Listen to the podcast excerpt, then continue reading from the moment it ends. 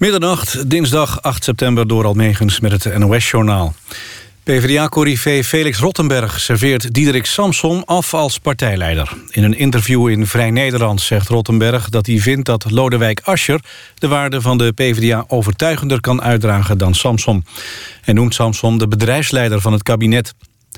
Rottenberg is voorzitter van de commissie die de kandidatenlijst voor de Kamerverkiezingen gaat samenstellen. Hij houdt er rekening mee dat de PvdA na de verkiezingen een veel kleinere fractie overhoudt. Daarin moeten zeker vijf tot zes nieuwkomers zitten... die de sociaal-democratische waarden in de praktijk kunnen brengen. Ascher is daar volgens Rottenberg heel actief mee bezig. Die heeft het volgens hem in zich. Ook zegt hij dat mannen als Samsom en Dijsselbloem... zich aan dit kabinet hebben gecommitteerd. Ze geloven nog steeds dat de PvdA het op deze manier redt. Dat is niet zo, zo zegt Rottenberg. De brancheorganisatie Kinderopvang verwacht dat er door het extra geld dat het kabinet voor opvang uittrekt 7000 banen bijkomen. De sector liet dat uitrekenen door een adviesbureau. Vandaag werd bekend dat de toeslag voor kinderopvang met ingang van volgend jaar omhoog gaat. De extra toeslag kan oplopen tot zo'n 100 euro per maand. Er is nog geen akkoord over extra steun aan boeren. De Europese ministers van Landbouw zijn het erover eens dat die steun nodig is. Maar over de manier waarop wordt nog onderhandeld. Duizenden boeren gingen vanmiddag in Brussel de straat op... uit protest tegen de lage prijzen voor zuivel en vlees. Bij dat protest braken rellen uit. Agenten werden bekogeld met eieren... en er werden autobanden in brand gestoken. Stan Wawrinka is voor de vierde keer in zijn loopbaan doorgedrongen... tot de kwartfinales van de US Open. De als vijfde geplaatste Zwitser rekende af met Donald Young. Bij de vrouwen plaatste Simona Halep zich met moeite voor de kwartfinales. Als tweede geplaatste Roemeense was te sterk voor de Duitse Sabine Lisicka. Het weer vannacht neemt de regen af, maar helemaal droog wordt het niet. Het koelt af naar 13 graden. Overdag eerst nog wat buien, maar later op de dag droger en meer zon. Dan wordt het maximaal 18 graden. Dit was het NOS Journaal. NPO Radio 1. VPRO. Nooit meer slapen.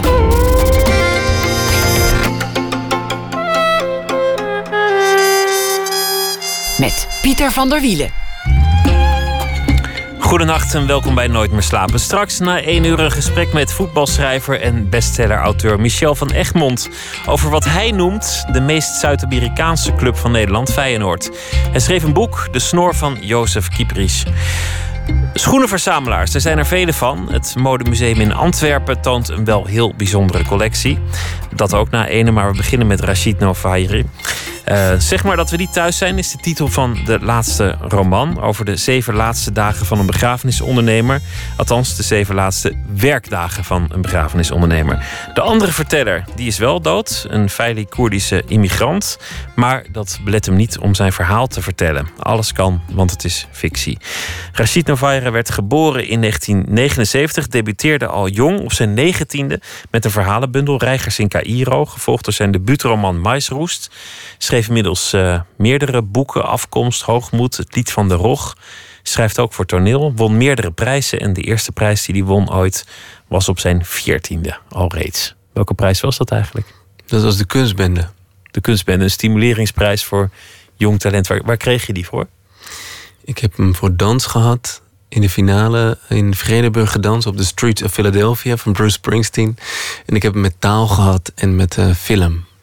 Voor drie disciplines ook? Ja, ik kwam ieder jaar weer uh, terug. Was het toch moeilijk om, om te kiezen wat het dan moest worden uiteindelijk? Uiteindelijk was het voor mij dat de taal altijd meeliep. En uh, ik erin stroomde om daar mijn vak van te kunnen maken. Dus het was niet zozeer een keus, maar het was voor mij het meest toegankelijke om me in te uiten. En uiteindelijk bleef het maar bij me. Hoe is het mogelijk dat je, dat je in drie dingen, film, dans en literatuur, al zo jong eruit sprong? Ik denk dat het te maken heeft met een verlangen naar abstrahering ook. Dus ik, ik eh, was, kwam op een bepaald gebied uit dezelfde bron voort. En uh, voor die bron zocht ik verschillende expressiemiddelen. Dus die zoektocht vertaalde zich naar verschillende disciplines waar uiteindelijk uh, de literatuur het sterkste in overgebleven is. Je had de behoefte om iets te uiten, om, om, om iets om te zetten in abstractie. Iets wat, wat ergens in jou woei. Ja, En dat, dat werd dan uiteindelijk de literatuur. Wat betekent het om schrijver te zijn? Waarom ben je schrijver? Nou, in afkomst haal ik de, de uitspraak aan: uh, fictie komt voort uit een verlangen naar waarheid. En dat betekent uh, agnosticus zijn tegelijkertijd, het niet weten. Dat betekent wegen zoeken om je te verhouden tot ook wat metafysisch is, wat niet te duiden valt. Dans om het raadsel. Behoefte aan genade. Schoonheid. En daar taal voor zoeken en woorden zoeken voor dat wat je woordeloos op je af voelt komen. Dat zijn vrij grote woorden die, die je gebruikt. Is, is het denkbaar dat je ooit geen schrijver zou kunnen zijn? Inmiddels niet meer. Ik ben eh, wel verankerd in dat schrijverschap. Je bent schrijver als je weet dat je moet doorschrijven. En dat is mij eigenlijk duidelijk gemaakt op het moment dat ik uh, een staatsstipendium kreeg in het zuiden van Duitsland, in Beieren. En dat ik in een wasserslos een jaar werd uh, ondergebracht. En opeens uh, hele werkdagen kreeg. En wist dat ik het ook van 9 tot 5 kon doen.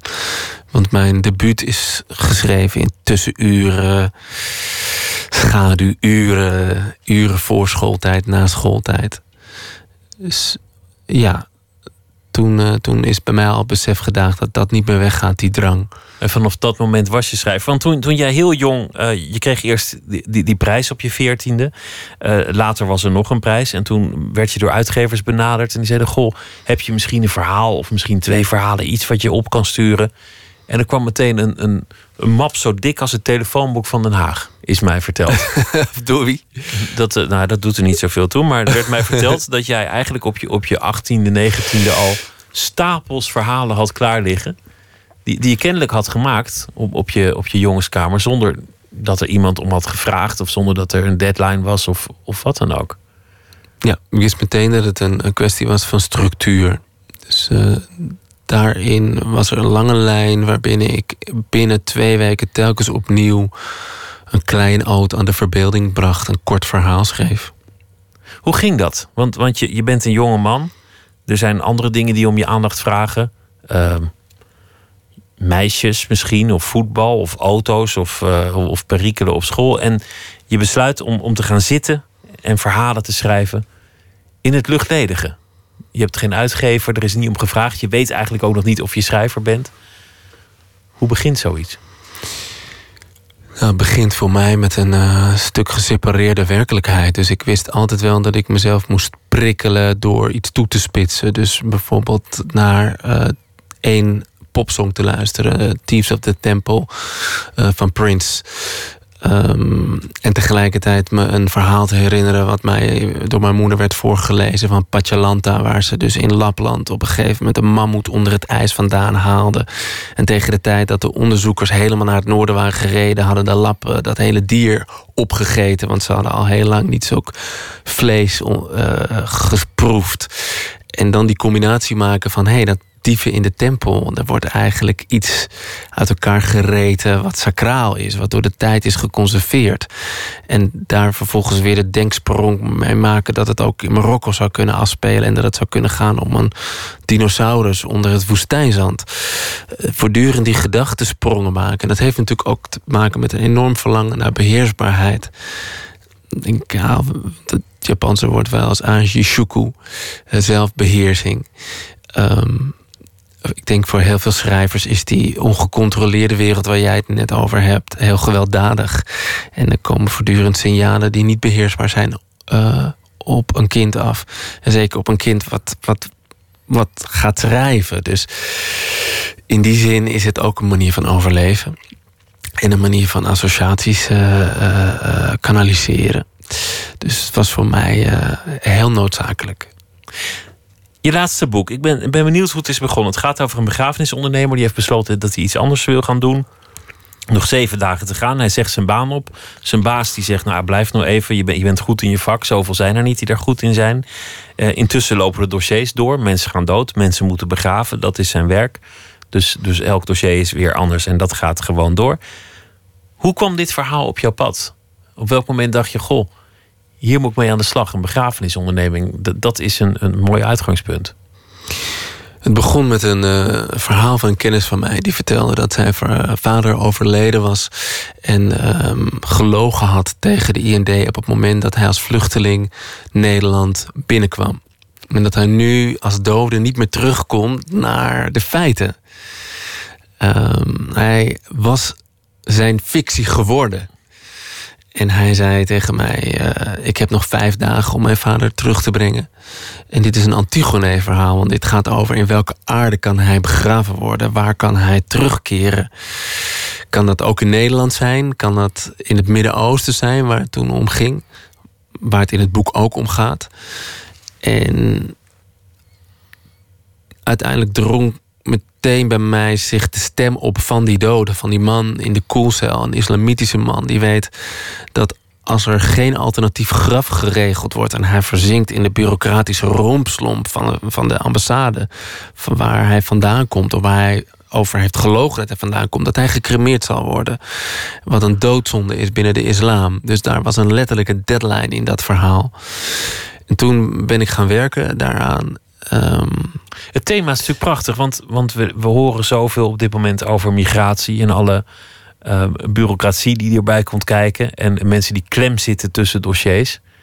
Maar dat het ook postuum doorgaat. Dat je ja, dat vond ik een heel mooi. Dat vond ik een heel mooi uitgangspunt. Maar ik, ik, toen ik hem over zijn verhaal hoorde, kreeg ik er ook steeds meer compassie met die arme uitvaartondernemer die daarbij zit zich moet bedienen van een jargon wat heel erg gereglementeerd is tegenover een hysterie. Misschien onerbiedig uitgedrukt, maar een, een, een verdriet wat volledig anders wordt geuit. Eh, tot aan een moeder toe die heeft geleerd dat in het Midden-Oosten rouw is dat je jezelf gezelt. Fysiek dat je jezelf slaat.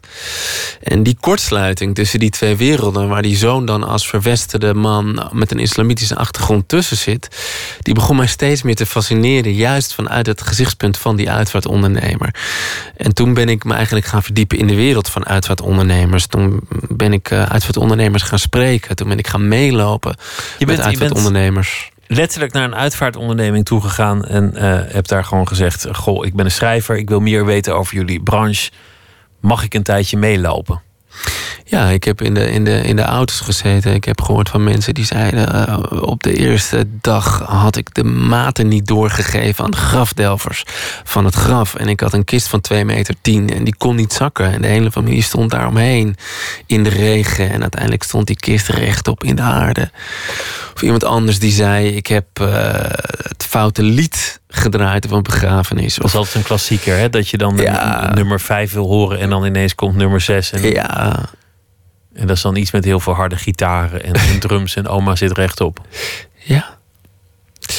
Ben je ook, ben je ook echt achter de schermen geweest bij, bij, het, bij het wassen van de lijken, het aankleden van de lijken, bij uh, de routine, bij de, bij de kantinepraat van de begrafenisondernemer? Ben, ben je echt gaan voelen hoe het is om in, in die sector te werken? Ja, met name dat. Ik mocht, uh, ik mocht inderdaad erbij zijn op het moment dat er werd gesproken op kantoor over ja, de administratie, waar natuurlijk heel veel poëzie in zit. Inderdaad, zoals jij al aangeeft, dat Kafkaeske eigenlijk. Die stapels die nooit afnemen. Maar de dood die niet lang op zich laat wachten. Dat, dat, die, ja. Ik mocht inderdaad uh, het alledaagse meemaken. Hoe alledaags is het? Wordt het ooit alledaags? Ik denk dat ik het antwoord al weet. Tuurlijk wordt het alledaags, want het is alledaags. Mensen gaan dood en iemand moet ze begraven. En je bent begrafenisondernemer. Maar is het, is het, is het ook zo dat de radio aanstaat bij het wassen van de lijken? Of, of dat er een zekere terloopsheid of jargon in, in sluipt? Ja, natuurlijk hebben mensen het ook over wat ze in het weekend hebben gedaan. Op het moment dat je loopt naar uh, het moment dat je een dood lichaam gaat wassen. En die poëzie van dat alledaagse zocht ik ook. Dat is natuurlijk zo'n beeld ook van een film van Almodovar... waarbij juist de, vrouwen op die begraafplaats ziet die uh, ook lachen en ook aan het ontspannen zijn met elkaar. En uh, juist die alledaagsheid vieren om de doden niet te vergeten. Um, dat is ook iets waar ik naar verlang om mee te maken en om te zien. En wat we natuurlijk heel vaak kwijt zijn, die integratie van het onbekommerde van de jeugd, die door de oudere mensen heen loopt, die, en waar de dood een vanzelfsprekende rol krijgt in een rite. De, dit is een heel mooi decor voor ook ehm, een, een, samenleving waar veel migranten terecht zijn gekomen, waar migranten terecht willen komen, waar al die problemen zijn. Uh, in dit geval gaat het ook over uh, Koerden. Koerden die, die komen vanaf uh, de, de grens van Irak en Iran. Ja. Opgejaagd in de tijd door de baatpartij die ze niet in Irak wilden hebben. In Iran waren ze ook niet altijd wel, welkom. Eigenlijk een stateloze groep. En om Ja. hier te komen hebben ze dan gelogen over, over die achtergrond. Deze man, deze meneer Jahangir, hij stamt af van een volk wat veel Koerdisch is en wat Shiïtisch is. En veel mensen zijn net over die grens naar Bagdad gegaan om werk te zoeken. En juist in Bagdad werden ze door Saddam Hussein gezien als de vijfde kolonne van Iran. Dus in dat Iran-Irak-conflict kreeg je ehm, de regelrechte bedreiging van een Saddam Hussein die tegen die mensen zegt tegen dit specifieke geval ook. Laat je registreren, dan kunnen we je beter beschermen. En op het moment dat je dat allemaal opgeeft, word je de volgende dag midden in de nacht van je bed getild. En moet je eh, twee weken door de landmijnen teruglopen naar waar je vandaan komt. En in Iran wil je ook niet meer, want je komt uit Irak. Dat is deze Veli Koert overkomen. En ik wilde heel graag niet vertellen over die hele vlucht. Ik wilde dat vluchtverhaal zoveel mogelijk beperken, maar verweven in die in die letterlijke deadline, in die zoektocht van die. Wat gaan we doen? Wordt het Nederland? Wordt het Irak? Wordt het Iran? Waar kan deze Waar man begraven worden? Waar hoor je het? Het gaat letterlijk over het vinden van je grond. Ja, Een bevolkingsgroep die nooit grond eh, als eigen grond heeft gekregen van de geschiedenis. ja zeker. Ja. En een, een man die hier is, maar eigenlijk steeds meer merkt dat zijn hart daar ligt. Waarvan, waar hij zei dat hij eigenlijk niet vandaan kwam. En nu, postuum, komt die deadline. ja, want dat moet ik misschien nog een keer duidelijk zeggen. Toen ehm, het personage in Nederland aankwam, was er sprake van een gifgasaanval op Koerden in het noorden van Irak, Halabja. En hij heeft tegen de IND verteld dat hij een Koerd is uit het noorden van Irak. Terwijl hij uit het berggebied komt in Iran. En hij heeft, hij heeft een verblijfsvergunning gehad. Is onder een generaal pardon gevallen. Juist door zijn leugen. Dus daar heeft hij altijd mee moeten leven. En in het Arabisch noem je een leugen om best wil ook wel een witte leugen. Dus door zijn witte leugen ja, is hij nu in het luchtledige beland. Ik vroeg je wat het betekent om schrijver te zijn. Een van de dingen die je nadrukkelijk niet doet, is antwoord geven op die vragen. Het migratiedebat wordt op dit moment toch ook een beetje eh, een, soort voor-tegen debat. Ben je voor of tegen de vluchtelingen? Ben je, ben je voor toelating of, of tegen toelating? Wat ook een beetje afdoet aan wat er eigenlijk aan de hand is. Alsof, alsof een simpel voor, een simpel tegen, ja of een nee ook maar enige oplossing zou bieden. Alsof daardoor de problematiek op slag overzichtelijker zou zijn. Daar, daar geloof ik persoonlijk geen donder van. Jij maakt het inzichtelijk, maar ik heb nergens de indruk dat jij probeert antwoorden te geven of iets duidelijk wil maken. Nee, het is, ik, heb, ik heb geprobeerd in de ziel van de uitvaartondernemer te gaan. En ehm, die uitvaartondernemer wordt geconfronteerd met een, een afscheid bij Noorderzon en Zonen, het uitvaartbedrijf, waarbij een soort onbegrijpelijke eigenheid en een, nou wat ik zei, een, een behoefte aan genade opeens zich aan hem opdringt. Want hij komt in situaties die hij niet meer kan beheersen. Hij was juist die ondernemer die altijd wist welk vakje hij moest aankruisen. En hij wordt geconfronteerd met het feit dat de doden volgens de nabestaanden e-mailen sturen, faxen sturen vanuit het mortuarium om dit hele proces te beïnvloeden. Hij wordt geconfronteerd met twee jongens met een Marokkaanse achtergrond uit Amsterdam-West die zeggen dat hun oma in de doodskist verdwenen is tussen Amsterdam en Casablanca, want ze zat er nog wel in op het moment dat ze bij Schiphol uitcheckten en in Casablanca niet meer. En Ehm, ik had juist die voorbeelden nodig van verbeelding om iets aan te geven over dat verlangen naar genade. Want juist doordat hij niet meer begrijpt, moet hij een intimiteit aangaan. En hij wordt dus uit zijn, zoals je het zegt, comfortzone gehaald. Hij wordt uit zijn roggen geslingerd Ja, ja, door, ja. door de, de situatie. Ik stel voor dat we gaan luisteren naar Liz Wright. En uh, ze heeft een uh, album met de titel Freedom and Surrender, waarvan we gaan draaien The Game.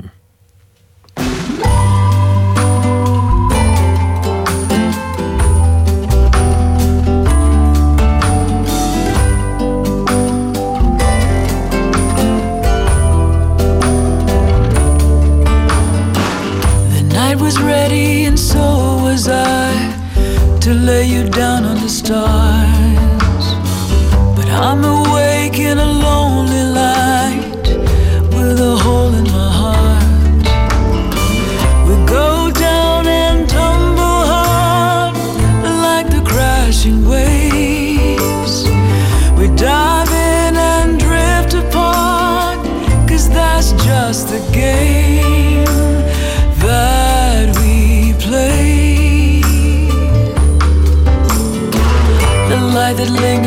to love.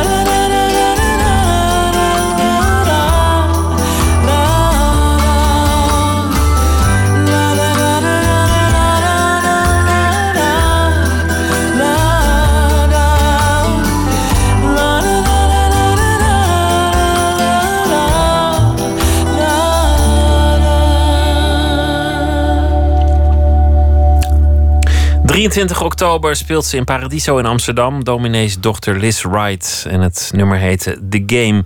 Rachid Novaire zit hier tegenover me. Zeg maar dat we niet thuis zijn is de titel van het boek. We hebben het gehad over het schrijverschap. Dat je eigenlijk al heel jong de behoefte had om dingen abstract te maken. Je wilde misschien danser worden, filmmaker. Het werd uiteindelijk het schrijven, omdat dat zich het meest aan je opdrong. Je had al heel jong verhalen. Al op je negentiende debuteerde je met een verhalenbundel. Maar het was pas later in, in Duitsland, toen je werkdagen ging maken, toen je stipendium kreeg, toen het echt een beroep werd dat je wist, nu ben ik schrijver. En dit zal ik altijd zijn. Schrijver zal altijd mijn beroep zijn. Je bent wel een schrijver die, die onderzoek pleegt. Zoals je voor je laatste boek ja, undercover bent gegaan bij, bij een uitvaartonderneming. Zo ben je in Duitsland geweest voor een van je boeken, om daar te schrijven. Je bent in China geweest voor het Lied van de Rog. Een, een, een verhaal over oude Chinese eh, geloofsrevoluties en, en eh, be- beschavingen. De fantasie alleen is kennelijk niet genoeg. Je moet altijd iets onderzoeken. Of de plek waar je schrijft is ook belangrijk. Ja, in Duitsland was dat omdat ik echt familieleden op ging zoeken die, eh, die ik niet kende. En dook in een verleden wat tot dan toe voor mij nog niet gekoppeld was aan gezichten en verhalen. Dus dat was een heel autobiografisch boek afkomst. Maar ik hou ook van ergens zijn, ja, ergens op de wereld zijn. Ik heb in China gewoond om, ja, natuur, gezichten. Dus het kan ook een hele abstracte research zijn. Ik ben niet iemand die eh, in de bibliotheek gaat eh, uitpluizen hoe iets nou exact is geweest met data en verwijzingen. Dat niet. Toch was dat boek wel zo begonnen. wa- Want je, je, je las iets over Chinese Het beschaving. lied van de Rog. Ja.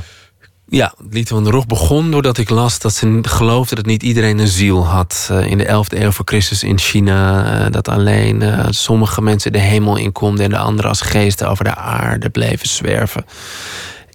En dat is een rode draad in de geschiedenis natuurlijk. Wanneer mag je mensen eh, onderwerpen? Wanneer is iemand een volwaardig mens? Daardoor werd ik inderdaad getriggerd om zo snel mogelijk eh, mijn tas in te pakken en naar de baai van Taiwan af te reizen. En met al die prachtige vechtfilms in mijn hoofd, daar in China te gaan staan en, en te kijken. Dus kan, kan uit alle bronnen komen. Boeken over, eh, over de geschiedenis, maar ook vechtfilms. Een, een liedje van Prince noemde je ook al. Eigenlijk kan alles een bron worden voor wat je later gaat schrijven. Hoe ga je dan te werk? Je komt aan in China. Je hebt naar ik aanneem eh, via Airbnb of, of eh, op een andere manier iets van onderdak geregeld. Dat, je- dat je daar kunt slapen en eten en, en niet in de regen zit. En dan een laptop bij je. Hoe ga je te werk? Ja, kijk, voor mij is Nederland altijd een, een anker, omdat ik leef in de taal. Dus ik vond het heel mooi om te weten dat daar een eh, IJslandse kunstenaar en zijn Nederlandse vrouw een residentie hadden.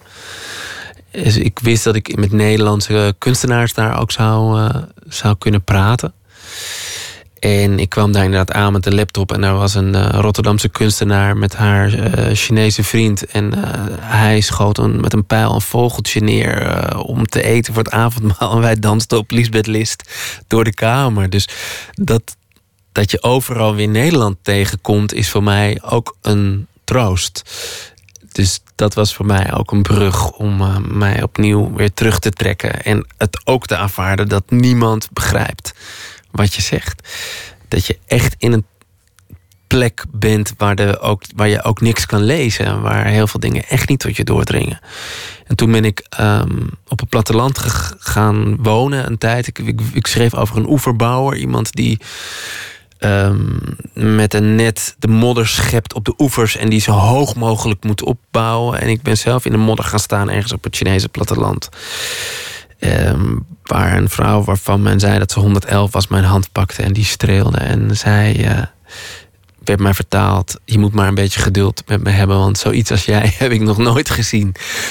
Dus daar begon het bij mij bij indrukken verzamelen. En ehm, dan ben je een half jaar en dan kom je terug met eh, nog heel slecht materiaal.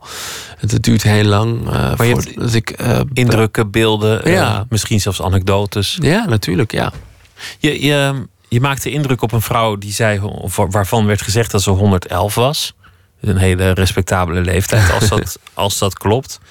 Die had nog nooit iemand gezien zoals jij. Toch had je je, je dreadlocks afgeknipt, speciaal om naar China te gaan, om- omdat je dat juist wilde vermijden.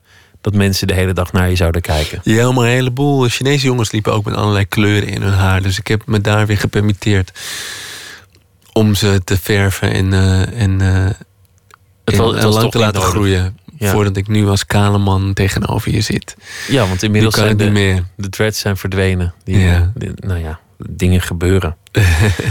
Waarom is het, is het belangrijk voor jou om je verleden te kennen? Niet, niet je persoonlijke verleden vanaf, wat, vanaf 1979 in, in Amsterdam, maar het, het verleden van jouw familie. Want dat is wat je in, in een van de boeken doet. Je gaat op zoek naar je voorgeschiedenis. De geschiedenis van je vader, de geschiedenis van je overgrootmoeder.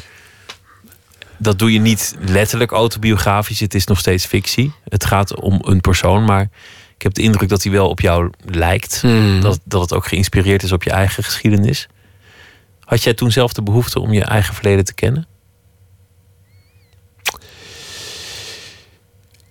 Ja, het is een verhaal van veel vervreemding, omdat ik vermengd ben. Dus ik heb ehm, familieverhalen van gebieden die ik helemaal niet ken. Dus, dus ik heb een soort mystificatie en een toe-eigening tegelijkertijd. Dat is daar. Het is vreemd, maar het is ook van mij. Ik heb een oma die ook op haar beurt weer haar familiegeschiedenis niet kende, omdat ze uiteindelijk ehm, qua bloed kwam uit een gebied wat nu Polen is en vroeger Duitsland was. Haar vader is op zijn paard naar de mijnen naar West-Duitsland vertrokken. Zij is kind geworden van een gezin van 14 mensen. Ehm, en liet mij in Vondelstede bejaardentehuis aan het Vondelpark op een dag een foto zien waarbij haar moeder werd gelauwerd voor het baren van tien zonen. En toen ik haar vroeg van wie zij dat moederkruis had gehad, toen bleek dat namens Hitler te zijn. Um,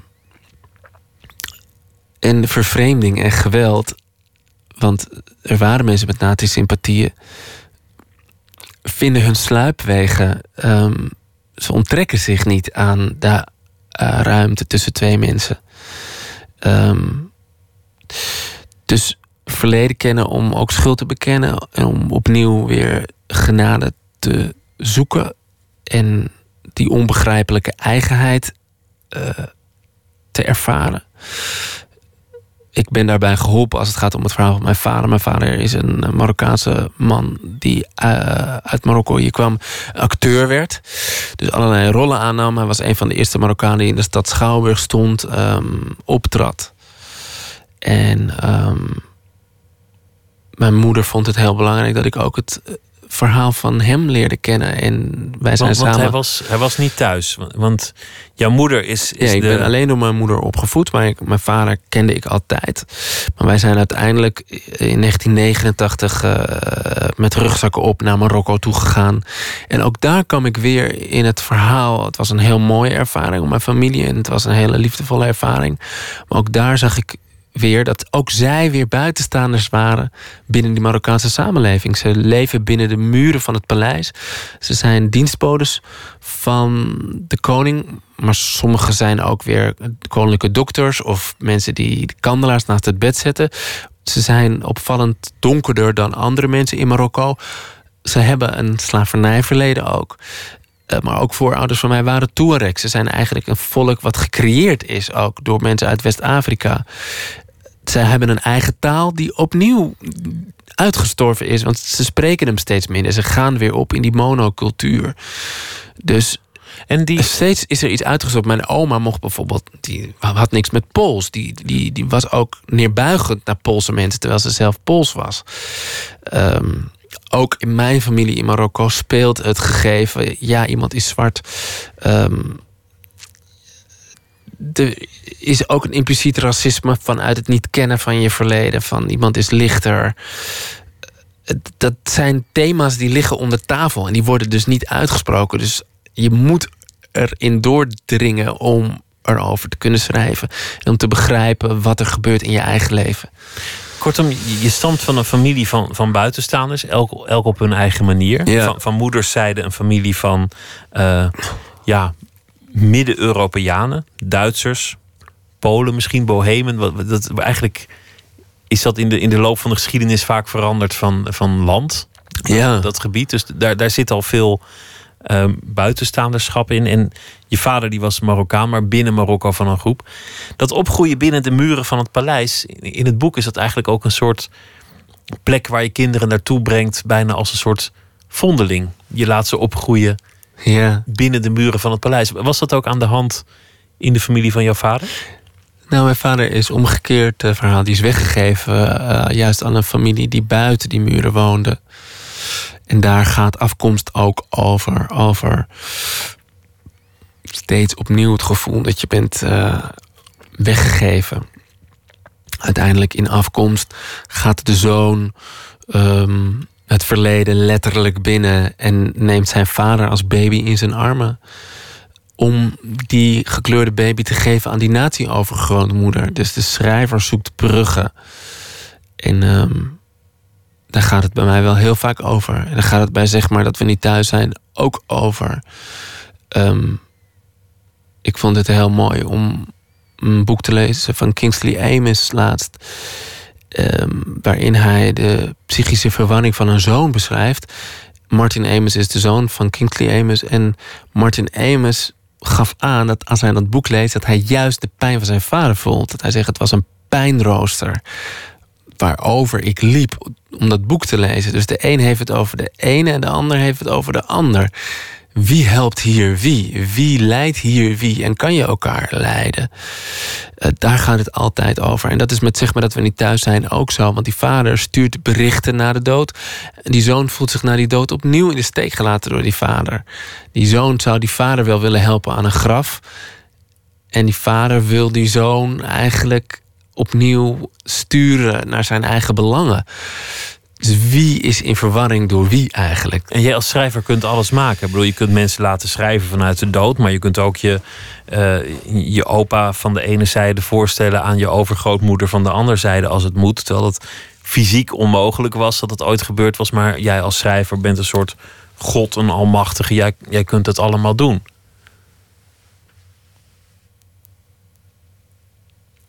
Je kunt er fictie van maken, maar het, het uh, geeft natuurlijk niet uh, um, weer hoe je zelf op dat moment op dat pijnrooster balanceert. Dat vind ik altijd heel interessant om mij dat af te vragen. En dat heb ik ook wel bijvoorbeeld aan andere cijfers gevraagd. Van, en wat is dat je nu een roman hebt gepubliceerd ergens over.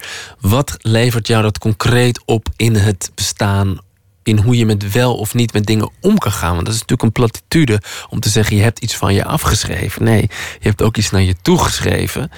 En dan ligt daar een boek en dan ben je in de openbaarheid en dan praten mensen erover. Maar ondertussen functioneren heel veel dingen in het bestaan nog steeds niet. Dus um, dat vind ik altijd wel. Ja, er wordt altijd over schrijvers inderdaad gedaan van dat het een soort gebaar van macht is, die taal. Maar het leven steekt er natuurlijk ook vaak schil bij af. Dus... Kun, kun je uitleggen hoe dat in jouw geval ging? Want, want je, je kwam er eigenlijk achter dat er een, een soort van natieverleden misschien wel aan je ene kant in de familie was. Ja, wel degelijk. Ik ben ja. bij, uh, bij mensen geweest die mij vertelden hoe mijn voorouders uh, hebben gedood. SS'ers waren. En, en aan de verkeerde kant stonden ja, nou ja, nog steeds jouw leven begint waar jouw leven begint, bij je geboorte. Jouw, jouw morele verantwoordelijkheid begint ook bij je geboorte. Je, zou kunnen zeggen, alles voor 1979, wat heb ik ermee te maken? Of voelde het nog niet zo? Nou, ik had wel heel duidelijk uh, met afkomst mijzelf nodig uh, als katalysator. Dus het ging over mijn eigen leven. Uh, het ging over weer naar je vader moeten gaan en mm, ja, daar mee te maken hoe het leven zich daar afspeelt. Dus um, wat heb ik ermee te maken? Het gaat juist over hoe je wordt ingehaald door iets waar je denkt je aan te kunnen onttrekken. Dus juist dat personage moet zich die vraag stellen: wat heb ik ermee te maken? Net zoals die uitvaartondernemer ook bij zeggen maar dat we niet thuis zijn, ook steeds denkt: wat heb ik hiermee te maken? Maar hoe ging dat in, jou, in jouw echte leven? Wanneer haalde jou dat in? Want, want je verhief het tot thema van je boek. Je ging op onderzoek uit en je zei net: je hebt niet iets van je afgeschreven. Sterker nog, je hebt het tot leven gewekt en nu is het ineens een, een factor in je bestaan. Die misschien ook wel problematischer is geworden. Misschien is het helemaal niet iets wat je hebt opgelost, maar heb je juist een probleem tot leven gewekt. In hoeverre heeft dat jou veranderd om, om het verleden van je voorouders soort van te kennen? Want er zit natuurlijk ook nog een factor vertrouwen in. Je komt er ook niet achter hoe het echt helemaal zit. Mm -hmm. Hoe heeft het jou veranderd?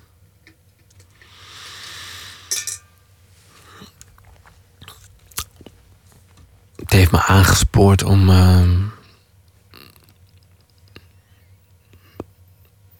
me terug te brengen tot waar, wat ik al net zei. Me bewuster van te zijn hoe relaties worden beïnvloed door het verleden. Hoe het een ketting is van voorouders die uh, bepaalde thema's steeds opnieuw op tafel legt. Daar was ik al wel mee bezig, maar dat is iets waar ik uh, me nooit van los kan zingen. En je vader, want tegenwoordig er is een soort woordenspel gaande. Van moet je iemand een vluchteling noemen, of een, of een migrant, of een, of een gelukszoeker, of een, uh, of een, of een illegaal, of een, of een avonturier, of een. Ik, ik, ik, lees zoveel woorden en elk woord heeft een, heeft een lading. Wat was jouw vader? Mijn vader vertrok niet om economische redenen. Want een van die uh, privileges van die groep mensen, die Tuarga's, waar ik bij behoor, waar mijn vader uit voortkwam, is juist dat je een garantie hebt op een baan. Namelijk die gelieerd aan die koning. Dus mijn vader was een artistieke man. Die wilde vrijheid. Dus een vrijheidszoeker. Een vrijheidszoeker is een prachtig woord, toch? Ja. En hij is, hij is hier gekomen. Hij heeft jouw moeder hier ontmoet. Ja. In, in, in Nederland. Ja. Een artistieke vader. En jij, je zei net van, van, ze, we groeiden niet op als gezin. Dat als je vader en moeder waren niet bij elkaar. Dat jij al zo jong eigenlijk op zoveel manieren de behoefte had aan abstractie. En het vertellen van verhalen. Dan wel als, als danser, dan wel als filmmaker. Was dat iets wat je van je moeder meekreeg? Of was dat toch die invloed van die vader? Ik ben opgegroeid, eh, opgevoed door mijn moeder met heel veel liefde voor kunst, voor boeken, voor theater. Ehm, wat was je vraag nog een keer? Nou ja, dat was mijn vraag. Of het van je moeder of van je vader kwam. Maar daar kenden zij elkaar ook van, je vader en je moeder. Van, van het theater en van de, de artistieke wereld. Ja. Is het ook een, een worsteling geweest met je, met je vader? Want in, in, het, in het boek worstelt de jonge schrijver die op zoek gaat naar zijn verleden ook, ook een beetje met, met zijn vader. Dus er zit ook een beetje een onderhuids gevecht tussen de twee. Mhm. Ja. Was dat bij jou ook het geval? Ja, worsteling is ook weer zo'n heel dynamisch woord. En dat suggereert dat je voortdurend in contact bent met elkaar. Terwijl vaak verlang je naar een worsteling die niet eens plaatsvindt. Dus Het is gewoon afwezigheid. ja, er is heel veel afwezigheid. eh, ehm, ook in, mijn, in, mijn, in, in zeg maar dat we niet thuis zijn. Dat, is, dat vond ik zo mooi aan de recensie in het NRC. Van dood zijn kent zijn grenzen, kent zo zijn grenzen. Ook over die dood heen komt die afwezig, die, dat, die, dat, die, die, die liefdevolle toestand die mensen vaak willen creëren, ook na de dood, met iemand waarvan het moeilijk houden was, maar niet van de grond. Sterker nog, er ontstaat steeds meer chaos en hectiek. En uiteindelijk is het de liefde met de levende die daar het antwoord op is. En daarom is het ook een liefdesverhaal van Milan den Hartog. En daarom gaat het ook over hoe hij liefdes heeft beleefd. Hoe hij eh, seksuele verhoudingen heeft beleefd. En hoe hij uiteindelijk daarin eh, eh, die week weer uitrijdt. Er staat niet voor niets een, een, wagen op de voorkant. In beweging. Ik hoop dat alles in beweging is in, in, dit, in dit boek. Kortom, de, de afwezigheid, dat is misschien nog wel pregnanter dan de aanwezigheid. Kortom, strijd, dat, dat is iets van de aanwezigen. En, en de, de situatie met jouw vader, dat was eigenlijk veel meer het gewoon er niet zijn. Dus, dus een worsteling, er was geen eens een worsteling, want hij was er gewoon niet. Bij mij persoonlijk heb je het Bij jou meer over. persoonlijk, ja. We pendelen tussen die twee boeken. Dus Ja. af komt en zeg maar dat we niet thuis zijn. Eh, er waren ook zeker momenten bij van worsteling. Maar je begint uh, naarmate iemand uh, overleden is... ook steeds meer in te vullen van wat de innerlijke worsteling van diegene moet zijn geweest. En ik denk dat, dat die bij mijn vader heel groot is geweest. En um, dat zie je natuurlijk vaak als mensen sublimeren. Mensen op het podium staan. Hij kon... Uh, ja, hij kon Nederlands op dat podium. Hij kon prachtig uh, op het podium Nederlands praten, bijvoorbeeld. Terwijl hij heel gebrekkig in het echte leven Nederlands praten. Dus daarin zat bij hem, denk ik, een enorme hobbel. En ja, dan heb je een zoon die boeken publiceert. En die voortdurend in gevleugelde taal jou confronteert met dingen. Dat is, moet voor hem natuurlijk uit een andere cultuur ook heel vervreemdend zijn geweest. Maar misschien, ja. En voor zoveel mensen in de Marokkaanse gemeenschap natuurlijk. Dan staan die kinderen voor je met hun verbale... Hij overtreft, jij overtreft hem. De, de zoon overtreft de vader. Maar dat is toch ook een verlangen wat elke vader moet hebben? Dat, dat je kinderen je overtreffen. Wat is er mooier dan dat? Overtreffen? Ik weet niet of het overtreffen het woord ja, is een je, heel andere... Je troeft hem af in taal. Je kunt iets beter dan hij. Ja, nou ja, dat, dat, ik weet niet of, of ouders daarop wachten. Ja, Om overtroffen te worden door een zoon. Ja, ik denk in ieder geval dat het, uh, dat het iets is wat er altijd is, wat altijd aanwezig is. Dat, dat die spanning tussen ouders en kinderen, dat zeker. Laten we gaan luisteren naar uh, Seasick Steve. Dat is een uh, 73-jarige. Hij uh, maakt de instrumenten die hij zelf bespeelt. Een nummer uit 2008. En uh, de titel is al bijna zo mooi als het nummer zelf. I started out with nothing and I got most of it left now. Uh, this song really about nothing, you know. Uh, that's exactly what it's about, kind of nothing.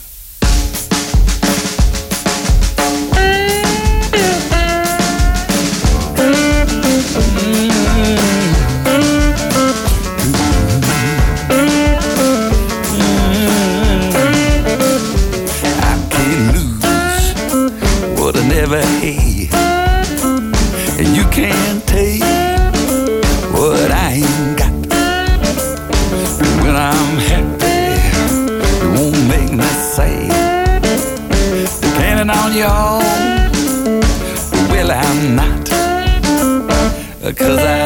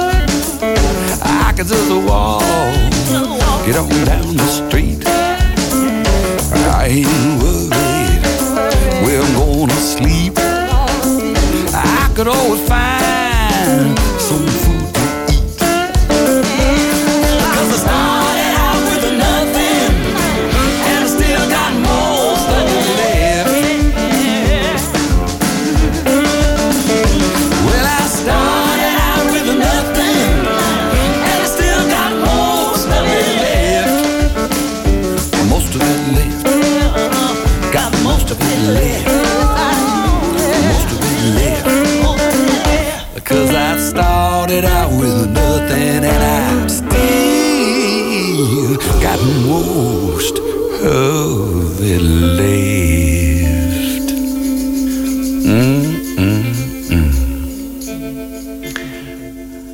C6 Steve speelt eh, deze maand vijf concerten in eh, Nederland. Started out with nothing and I got most of it left. Rachid Novaire zit hier tegenover me. Zeg maar dat we niet thuis zijn is de titel van het boek. Ik begon ermee eh, te, te vragen hoe je eigenlijk zo jong schrijver eh, eh, kon worden. Je moest kiezen tussen verschillende disciplines. Wat het betekent om schrijver te zijn. Dat betekent eigenlijk dat je uit dezelfde bron waar al die andere dingen die je deed uit voortkwam, iets kunt abstraheren. Dat, je- dat, je, dat je verhalen kunt maken. Je hebt besloten dat dat je beroep is. Dat, dat je, dat je schrijver bent. We hebben het gehad over het boek. We hebben het ook eh, gehad over je manier van schrijven. Dat je graag ergens bent. Meer om indrukken op te doen dan echt concrete research. We hebben het gehad over eh, het, het verhaal over jouw familie. Aan de ene kant de familie van Duitse migranten. Met, met wat nazi's. SS'ers zelfs. Moordenaars in je, onder je voorvaderen. En aan de andere kant een Marokkaanse familie. Ook van outsiders zelfs binnen Marokko. En een Friese opa, hè? En een Friese opa. Om het allemaal compleet te maken. Je bent wel eens aangeduid als een, een migrantenschrijver. Wat vind je eigenlijk van die, van die term? Het is mij echt maar één keer overkomen. Het was wel heel ongelukkig in het jubileumboek van mijn voormalige uitgeverij. Waar ik ook een derde generatie migrantenschrijver was. Dus ik was niet eens gemigreerd. En eh, En er zijn nog- ook niet, niet schrijvers in mijn stamboom. Dus dat vond ik wel heel, dat vond ik wel heel verdrietig. Maar Want op een gegeven moment moet het ophouden met, met migranten zijn. Maar het is wel vaak een thema wat, wat in jouw boeken terugkeert. verplaatsing, ja. Verplaatsing. Ja, die zich ook aankondigt. Hè? Want dat is een heel centraal beeld voor mij. De Shiiten hebben ehm, in het mausoleum van ehm, imam Ali... een beeld dat ze een wit briefje in de leegte... in het donkerte van het mausoleum laten zakken. Dat is een sacrale handeling eigenlijk. En de hoofdfiguur in zeg maar dat we niet thuis zijn... glijdt in die in dat mausoleum uit over een paarlemoeren oorbel. Die paarlemoeren oorbel associeert de alwetende verteller, omdat hij al dood is, eigenlijk met Nederland. Hij is over Nederland gestruikeld. En hij heeft die paarlemoeren oorbel in dat witte briefje gevouwen. Nederland in dat oud-islamitische, of misschien zelfs pre-islamitische gebruik. En steeds in het boek, omdat het toch surrealistische aspecten heeft, komt eigenlijk die parelmoeren oorbel weer terug. En dat witte briefje ook. En het witte briefje is de wens die je eh, als het ware in, in het graf werpt. Ja, en die genade weer opnieuw, ja. Dus eigenlijk, hij gooit, gooit al zijn dromen weg om naar Nederland te komen. Als je het dan als Nederland symbool laat staan voor, voor de, de, de parelmoer dat, waar dat, die... dat, is het, dat is het niet. Hij, hij, hij gooit voor één keer dat witte briefje niet in die donkerte, maar pakt, verpakt die oorbel erin. Dus het gaat voortdurend over dat je inderdaad weet dat je je zal moeten migreren, dat je zal moeten verplaatsen. En dat dat jou zal veranderen. En dat die verandering eigenlijk altijd al in jou was. Dus dat is natuurlijk ook bij mijn vader, zoals ik het heb over vrijheidszoeker. Er was altijd al iets in hem van dat Westen. Van het verlangen naar dat Westen. Hij moest het alleen nog bereiken. En wa- wat is dat dan? Wat er in hem is van het Westen, is, eh, van het verlangen? Is, is dat onrust? Is dat een, een, een droom? Ik denk individualisme ook. Toch? Dus dat vond ik. Dat, dat heeft mijn moeder mij gegeven dat ik dan in Marokko ben. En dat ik dan zit in een kamer waar iedereen gewoon daar met elkaar zit. En op het moment dat je een boek begint te lezen, wordt er toch een beetje gefronst van wat ben je aan het doen? We zitten hier toch met elkaar. Dingen kunnen eindeloos uitgesponnen, herhaald worden, eh, vertaald worden, maar in een hele collectieve roes. Die heel mooi is, maar die, die je als individualist wel op een gegeven moment gaat eh, bekruipen. En daar gaat die uitvaartondernemer ook steeds tegen aanlopen. Iedere vraag die hij gericht probeert te stellen naar iemand over een concreet ding, hoe wenst u het grafontwerp, zou het Nederland kunnen zijn, die ontaardt weer in die collectieve roes, waarin als een cadans iedereen met zijn emoties komt, iedereen met zijn ideeën komt en ook zijn veroordelingen komt. Dus het is ook een gevecht tegen, eh, of een gevecht of een botsing tussen het collectieve en het individualistische. Ja. De Nederlandse gewoonte dat elke vraag beantwoord moet worden als stroop of een pannenkoek. ja. is, is een van de, de zinnen die erin in voorkomt. Waarom fascineert migratie jou zo? Want eh, ik bedoel, het antwoord ligt voor de hand. Je vader was migrant, maar het thema als gegeven, het, het reizen, het, het over, over, overstijgen van grenzen, het zijn van de buitenstaander. Waarom vind je dat altijd zo mooi gegeven voor Nou ja, dat, is ook in Maisroest, eh, de roman waarin ik een personage laat zeggen... dat gebeurt er als mensen je verlaten. Je begint een leven waaruit moet blijken dat ze zich vergist hebben. En wat natuurlijk interessant is aan het verplaatsen... is dat je op dat moment een imaginair vaderland hebt. Een patrie imaginair. Op dat moment begin jij je een beeld te vormen... van dat wat je hebt achtergelaten. Dus daar begint eigenlijk in de migrant de schrijver ook voor een deel. Want hij is zijn verleden aan het herschrijven. Omdat hij die omgeving niet meer voor zich heeft. Dus dat, dat, dat spanningsveld, dat interesseert mij. Niet alleen waar je naartoe gaat, maar hoe dat wat je hebt achtergelaten gefictionaliseerd wordt in jouw hoofd. Eigenlijk leef je in een verhaal. Namelijk het verhaal dat je, dat je dacht te vinden door ergens anders naartoe te gaan. Ja. En het verhaal dat je inmiddels maakt van de plek waar je vandaan komt, die je Precies. niet meer kent. Precies. En wat je vaak ziet bij migranten is dat naarmate de tijd vordert, het verlangen naar het achtergelatene ook weer terugkeert. Ja, maar ook niet altijd hoor. Sommige mensen hebben ook zoiets van alsjeblieft. Blij dat ik weg ben. Ja. Tramps like us, baby, we were born to run, zei Bruce Springsteen. Dat was eigenlijk het, het gevoel van jouw vader. Hoe heet Maar het? Hoe? hoe? Tramp? Bruce Springsteen. Tramps? Weet je Nee, wat- met, wat- met die gitaar. Hoe, wat like us? Born to Run. Maar wat is de eerste zin? Tramps like us. What is trams? Ja, eh, eh, sletjes, volle Oh. jongetjes, eh, Oh. zwervers. Ja, ja. Tuig tramp. van de Richel. Tramps. Tramp. The lady is a tramp. Precies. Ja. Het Dat is kapitaal. Bruce's, eh, Bruce Springsteen is altijd mijn grote inspiratiebron geweest. Ik heb wel eens gezegd, wat is het verschil nou tussen Sting en Bruce Springsteen? En dan heb ik wel eens gezegd, Sting is degene die zijn vrouw op de bruiloft toezingt... en vertelt hoeveel hij om haar geeft. En Bruce Springsteen is degene die op de motor zit op weg naar zijn liefje... en hij weet nog niet of ze thuis is. Kijk, dat, is, eh, dat heb je mooi gezegd. Wie waren eigenlijk de schrijvers die jou als eerste ehm, eh, grepen toen je zo jong was? Toen, toen je, je, Voor mij is Bernlef altijd heel erg belangrijk Bernlef? geweest. En laatst las ik weer een roman waarvan ik dacht... "Oh, dat kan alleen hij. Iemand die overboord slaat en dan alleen op een eiland is. En vervolgens gaat het alleen maar over die tekenen op dat eiland. Ehm, en over die liefde die... Ja, gekapseist is ook weer. Dus Anne Groenberg is sowieso voor mij... eh, ja, dat is wel het grootste wat we hebben. in Nederland. Wellicht. Ja, Wat, wat mooi is in de heilige Antonio was voor mij heel belangrijk. In, in jouw boek zit, is, is- het staat bol van symboliek. Je noemde net de, de, de parelmoer die dan symbool staat voor Nederland. Dat is ook kapitaal. De, de uitvaartondernemer, nog een hele verhaallijn, die hebben we niet besproken, maar nou ja, het boek, boek is te koop. Krijgt een zak met geld. Van, Al die tas. Hij weet nog niet wat erin zit, maar als, in een, als een, goe- een goede B-film betaamt, pakt hij hem thuis uit en ziet dat die hele Aldi-tas gevuld is met 30.000 euro. En nou is de vraag, gaat hij die nou terugbrengen naar de familie van motorrijders van wie hij die tas heeft gekregen of niet? Want hij wil ook namelijk een eigen handel beginnen. Hij wil uit die uitvaartindustrie en hij wil een handel in bedjasjes. Primaire kleuren, jasjes die de moderne vrouw warm houden van boven terwijl ze... Kortom, hij wil weer warmte schenken, wat je, wat je ook als uitvaartondernemer doet. Maar ook, je krijgt een kapitaal, je krijgt een toekomst. Ja.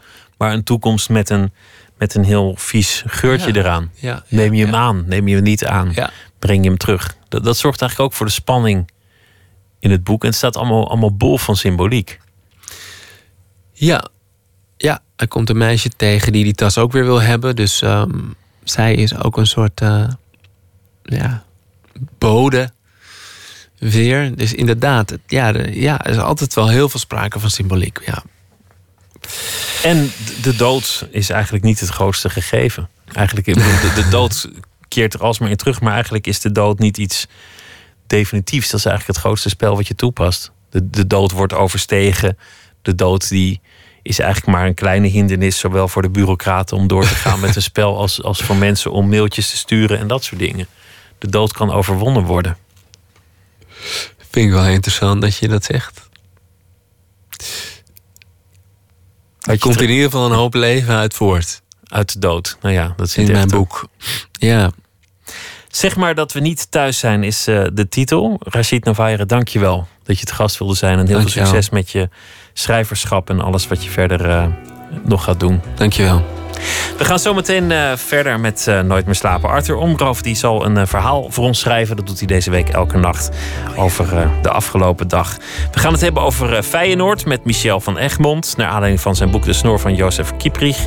En we gaan het ook hebben over schoenen. In het Modemuseum in Antwerpen is een tentoonstelling Footprint. Dat allerlei schoenontwerpen van de 20e en 21e eeuw laat zien.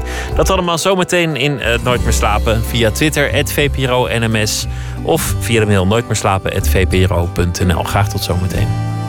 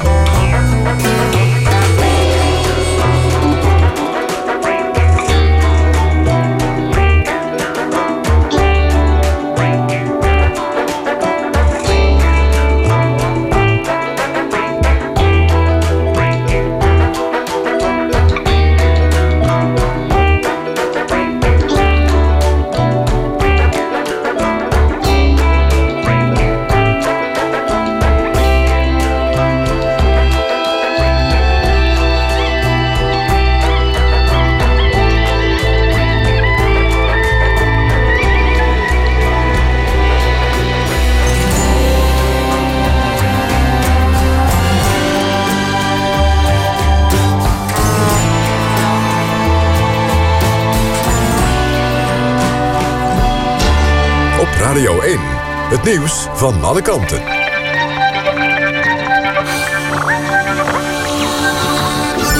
De kandidaten zijn verwikkeld in een nek-aan-nek race. Het weer, vannacht neemt de regen af, maar helemaal droog wordt het niet. Het koelt af naar 13 graden. Overdag eerst nog wat buien, maar later op de dag droger en meer zon. En dan wordt het maximaal 18 graden. Dit was het NOS Journaal. NPO Radio 1. VPRO. Nooit meer slapen.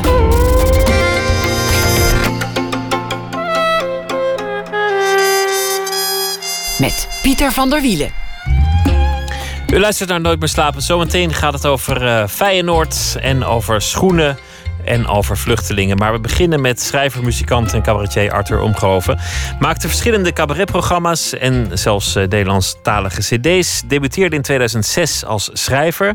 Midden op de weg, zo hard mogelijk, was toen uh, zijn boek. Zijn vierde en meest recente roman verscheen eerder dit jaar, Paradise Village. Goedenacht, uh, Arthur. Dag, Pieter. Elke nacht een verhaal over de voorbije dag. Dat is Ja. de opgave. Je bent vandaag begonnen. Wat heeft je bezig gehouden? Nou ja, een onderwerp waar ik eigenlijk eh, enorme weerstand voelde om over te schrijven. Eh, maar het was eigenlijk onontkoombaar, dus ik, be- ik ben het toch maar gaan doen. Wat was het? Vluchtelingen. Ja, Ik werd echt ik werd er helemaal gek van. Maar ja, het, het, het was gewoon het enige waar ik nu eh, wat over kon schrijven, geloof ik. En dat wil ik dan ook vandaag doen en dan de rest van de week niet meer. En het lukte ook om er iets over te schrijven. Ik bedoel, je kon nog iets zinnigs op papier krijgen over dit, eh, over dit thema. Ja, of het zinnig is, weet ik niet. Ik, eh, ja, ik, er zijn zoveel dingen in de discussie die mij eh, ergeren... dat ik wel iets erover heb geschreven, ja. ja. Ik ben heel benieuwd. Ga je gang. Oké. Vijf jaar geleden, tijdens de Arabische lente, werd het beeld geschetst dat als de dictators, Mubarak, Gaddafi, Ben Ali, maar eenmaal verdreven waren door het volk, dat alles dan beter zou worden. Er was vooral oog voor de goede kanten van de revolutie. En het was ook ontroerend en aanstekelijk, die onverzettelijkheid, het enthousiasme, het geloof in elkaar.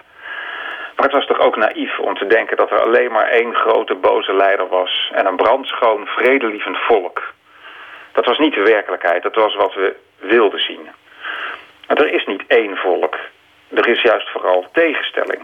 Tussen verschillende geloven, binnen één geloof, tussen mannen en vrouwen, tussen rijk en arm, boer en hoog opgeleid, tussen stammen. Een gemeenschappelijke vijand verbroedert, maar hoe hoed je voor de dag dat de vijand helemaal verslagen is? Toen Mubarak uiteindelijk verdwenen was, danste een zogenaamde Egypte-kenner op de tafel bij Pauw en Witteman, die er vrolijk bij zaten te lachen. De droom die zo zorgvuldig gecreëerd was door journalisten, kenners en ons, goedgelovige, niet zo goed ingelichte westerlingen, was uitgekomen. Het sprookje dat we zo graag wilden zien was waarheid geworden. En ze leefde nog lang en gelukkig. Ik zie nu hetzelfde weer gebeuren. De- De hartverscheurende beelden uit Syrië, Irak of waar ook ter wereld waar het oorlog is... maken dat we iets zien dat er niet is. De vluchteling. En op het gevaar af een soort eh GBA Hilterman te worden... wil ik toch een paar kanttekeningen plaatsen bij dat beeld van de vluchteling. Ten eerste, vluchtelingen zijn niet allemaal gezinnen met kleine kinderen... die uit een plat gebombardeerd dorp komen... die niet te eten hebben en die geen keuze hebben. Vluchtelingen zijn niet allemaal straatarm. Ze zijn niet allemaal vredelievend. Sommige vluchtelingen, of de meeste vluchtelingen, spreken alleen Arabisch. Sommige vluchtelingen houden hun vrouw liever binnen in huis. Sommige vluchtelingen houden niet zo van homo's. Sommige vluchtelingen koesteren sympathie voor IS. En sommige vluchtelingen zijn oorlogsmisdadiger. En hoewel de emotie ongetwijfeld oprecht is en de bedoelingen goed... mensen die in een opvangcentrum in Apeldoorn... een welkomstliedje voor de aanstaande vluchtelingen aan instuderen zijn... vind ik naïef. Net als BN'ers die op tv zeggen dat het nu eindelijk tijd wordt om eens iets te doen... en hun zolder opschilderen zodat er een vluchteling kan wonen.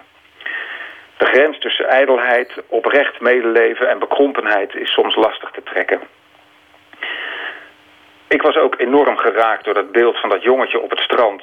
Maar dat ontslaat me niet van de plicht om na te blijven denken over de gevolgen van mijn handelen. Ik geloof dat ik daar het meeste moeite mee heb. De beeldvorming, de illusie dat als je oude kleren naar een vluchtelingenopvang brengt... dat je dan een deel van de oplossing bent. Misschien ben je wel deel van het probleem dat je nog niet kan overzien.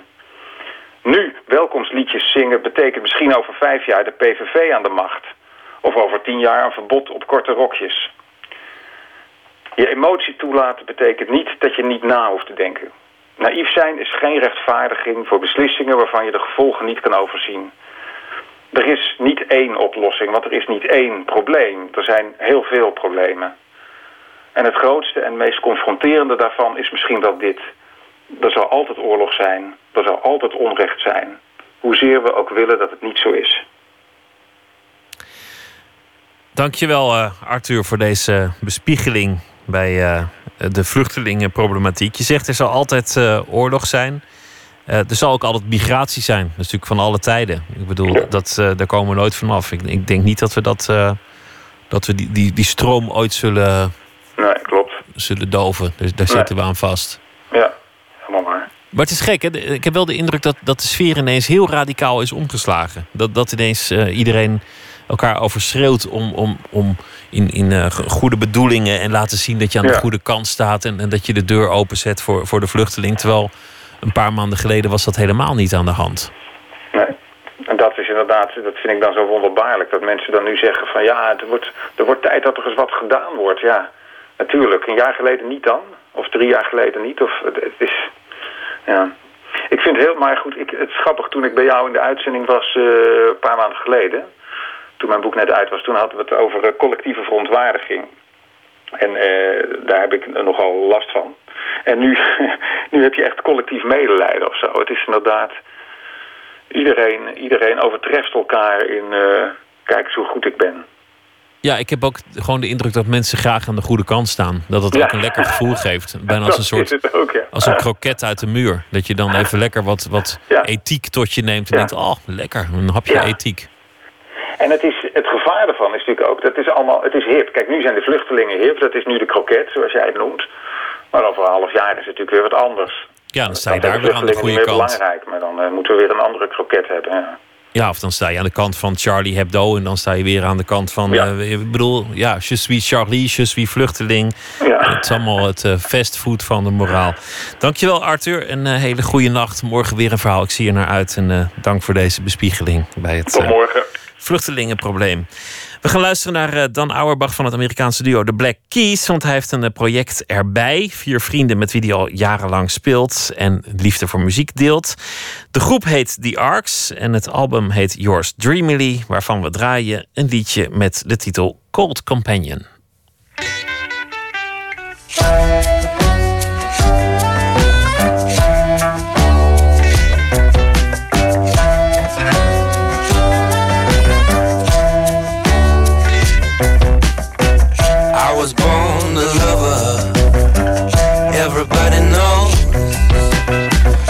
Just the way it is, just the way it goes.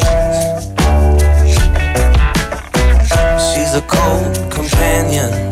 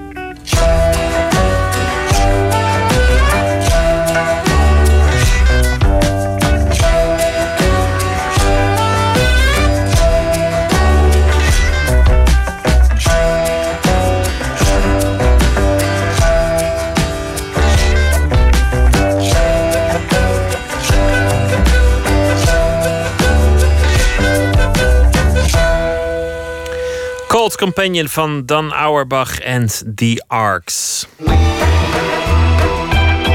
Nooit meer slapen. De meest Zuid-Amerikaanse club van Nederland noemt schrijver en journalist Michel van Egmond de voetbalclub Feyenoord uit Rotterdam. De Kuip, het legioen, alles net wat heftiger en alles ook net wat echter. Van Egmond, schrijver van uh, grote bestsellers als Gijp en Kieft, heeft zijn beste Feyenoord-verhalen gebundeld in een boek met de titel De Snor van Jozef Kieprich. Verslaggever Maarten Westerveen die ging naar Rotterdam en kwam terecht bij de Kuip. Sommige mensen worden geboren met een hazenlip of met een spraakgebrek. Andere mensen hebben minder geluk. Die worden geboren met de liefde voor Feyenoord. Weet je, want ja, je zit er voor je leven aan vast. Er is geen weg meer terug. En je bent in voor een behoorlijke rits teleurstellingen. En zo is het. Een leven met Feyenoord is mooi, maar zwaar. En ik kan het weten, want ik zit in de Kuip... in mijn rood-witte shirt te blauwbekken naar schrijver en journalist Michel van Egmond. Jaar in jaar uit heeft hij de Rotterdamse club gevolgd. Een club met een neus voor tegenslag, levensgrote mythes en de meest onwaarschijnlijke helden. Helden zoals de tovenaar van Tatabanya, Jozef Kieprich. In Feyenoord's donkerste naoorlogse periode arriveerde er in de Kuip een voetballer met de uitstraling van een omgewaaid tuinhekje. Zes jaar later huilden volwassen Rotterdamse mannen om zijn vertrek. Hoe kan dat? De eerste Nederlandse woorden die Jozef Kieprich spreekt zijn dikke tieten, hielen grote bek en Lokhoff dikke drol. Zijn kamergenoot Piet Keur heeft hem die tijdens Feyenoord's trainingskamp in Saoedi-Arabië geleerd. De verhalen die in de Kuip overleven, dat zijn de verhalen die van vader op zoon gaan. En dat zijn er eigenlijk maar een paar. Dat zijn een paar klassiekers. En dat begint eh, bij eh, de grote beer en de waterman in de 63. De grote supporterschepen naar, uh, naar Lissabon voor de wedstrijd tegen Benfica. En dat heeft te maken met het brilletje van Vandalen. Uh, alle dingen waarvan vaders tot gek worden toe tegen hun zoon kunnen zeggen... als die dan een keer enthousiast ergens over zijn van... ja joh, dat is leuk, maar wat ik, ik heb nog gezien... En dat vond ik een schitterend beeld. Dat vat het ook wel een beetje samen waar jij nou naar vraagt. Vond ik een van de indrukwekkendste beelden na de winst van de UEFA Cup in 2002. Toen had TV Rijnmond had een camera buiten het stadion gezet. En toen was het laatste fluitsignaal. En toen zag je een jongen, nou echt van een soort bouwvakker, zo zag hij eruit. Met, met, met waanzinnige stoere gast. En die rende naar buiten, het stadion uit. En die, die ging op zijn knieën zitten voor dat stadion. En die verslaggever die rende naar hem toe. Die jongen was in tranen. En, uh, en die ging vertellen hoe geweldig hij het vond dat Feyenoord UEFA Cup had gewonnen. En toen zei hij, ja, mijn vader die heeft in 1970 is erbij geweest in San Siro toen ze de Europa Cup wonnen. Maar nu hebben wij ook een cup. Met andere woorden, die, die man die was natuurlijk helemaal gek geworden van al die verhalen op, op verjaardagen. Dat alles wat hij meemaakte in het niet viel bij wat die vader had meegemaakt. Dus het was een soort, een soort uh, loutering voor een generatie. Zij hadden dat nu ook. En nu kon hij zijn zoontje gaan zitten vervelen, weet je wel. Met, ja, maar nee, ik heb ze de UEFA Cup zien, zien winnen. En daardoor er is er een, een, een, een, een verhaal of tien, denk ik, dat, uh, dat altijd zal blijven voortleven hier. Het is de zomer van 1989. Jozef Kieprich heeft het Hongaarse platteland verlaten voor Rotterdam. Hij was duur, maar zijn staat van dienst rechtvaardigt volgens het bestuur van Feyenoord zijn komst. De Hongaar zal de ongehoorde transfersom van 1,3 miljoen gulden in doelpunten gaan terugbetalen. Kieprich is dan al veelvoudige international. Hij speelde met Hongarije op het WK in Mexico en had twee jaar daarvoor in de Kuip al een aandeel gehad in de imponerende 2-1 overwinning op Oranje. In de Nederlandse kranten wordt de komst van een van de beste spitsen van Hongarije aangekondigd. Maar eenmaal gearriveerd in Rotterdam is het allemaal maar moeilijk te geloven. Jozef Kieprits lijkt niet eens op een voetballer. Zijn figuur vertoont althans geen enkel spoor van regelmatige inspanning. Met zijn vlassnorretje en lange slierthaar ziet hij eruit als een Haagse glazenwasser. De voetballer Kieprits blijkt in eerste instantie een speler die uit voorzorg graag uitrust voordat de vermoeidheid intreedt. In zijn allereerste wedstrijd, thuis tegen Fortuna Sittard, zien de Feyenoord-fans hem één keer voluit sprinten. Dat is als op vak S een gefrustreerde menigte door de hekken breekt en woedend het veld bestormt. En of je nou moet zeggen, ja, dit is uh, vandalisme. Aardig is het niet. De politie deed er in alle geval niks aan. Ze hadden geen zin om op deze warme zomerdag daar iets tegen te doen. Ze klommen over de hekken heen. En u ziet, die zijn absoluut niet zo makkelijk te nemen. Maar een echte Feyenoord supporter, zijn dat eigenlijk wel echte supporters, die trekt zich nergens iets vanavond. Ik denk dat er stiekem heel veel uh, harde kernsupporters van andere clubs wel bewondering hebben op de een of andere manier. En met, met, een, met, een, met jaloezie er misschien naar uh, kijken. Het is ook een beetje omdat het. Uh, omdat de, het gevoel wat hier bij deze club heerst, wordt niet alleen maar bepaald door de overwinningen, maar bijna nog meer door de nederlagen. Weet je wel, ik heb altijd het idee dat bij, bij Ajax, dat als, als Ajax-supporters bijvoorbeeld om maar het, meest uh, tegenovergestelde voorbeeld van Feyenoord te noemen. Als Ajax-supporters gaan opscheppen tegenover elkaar...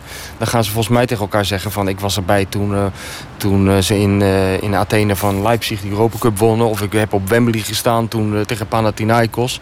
Maar Feyenoord-supporters die gaan zeggen van... ik zat nog in de Kuip toen iedereen al was opgedonderd. Toen we 18e stonden en bijna uit de krant vielen, weet je wel. Het is veel meer het lijden wat er dan zogenaamd erbij hoort...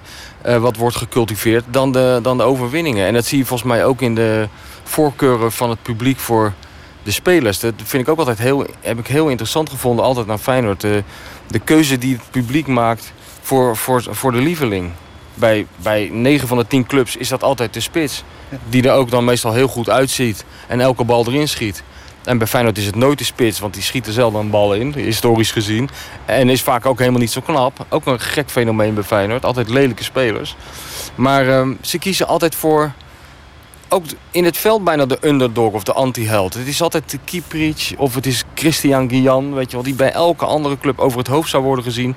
Die wordt hier dan op een voetstuk geplaatst. En dat, uh, nou ja, daarin zie je ook weer dat beetje complexe karakter van uh, die voorkeur van het legioen terug misschien heb ik het om die reden wel zo lang volgehouden hier. Dat Feyenoord heeft heel veel gezichten, vind ik.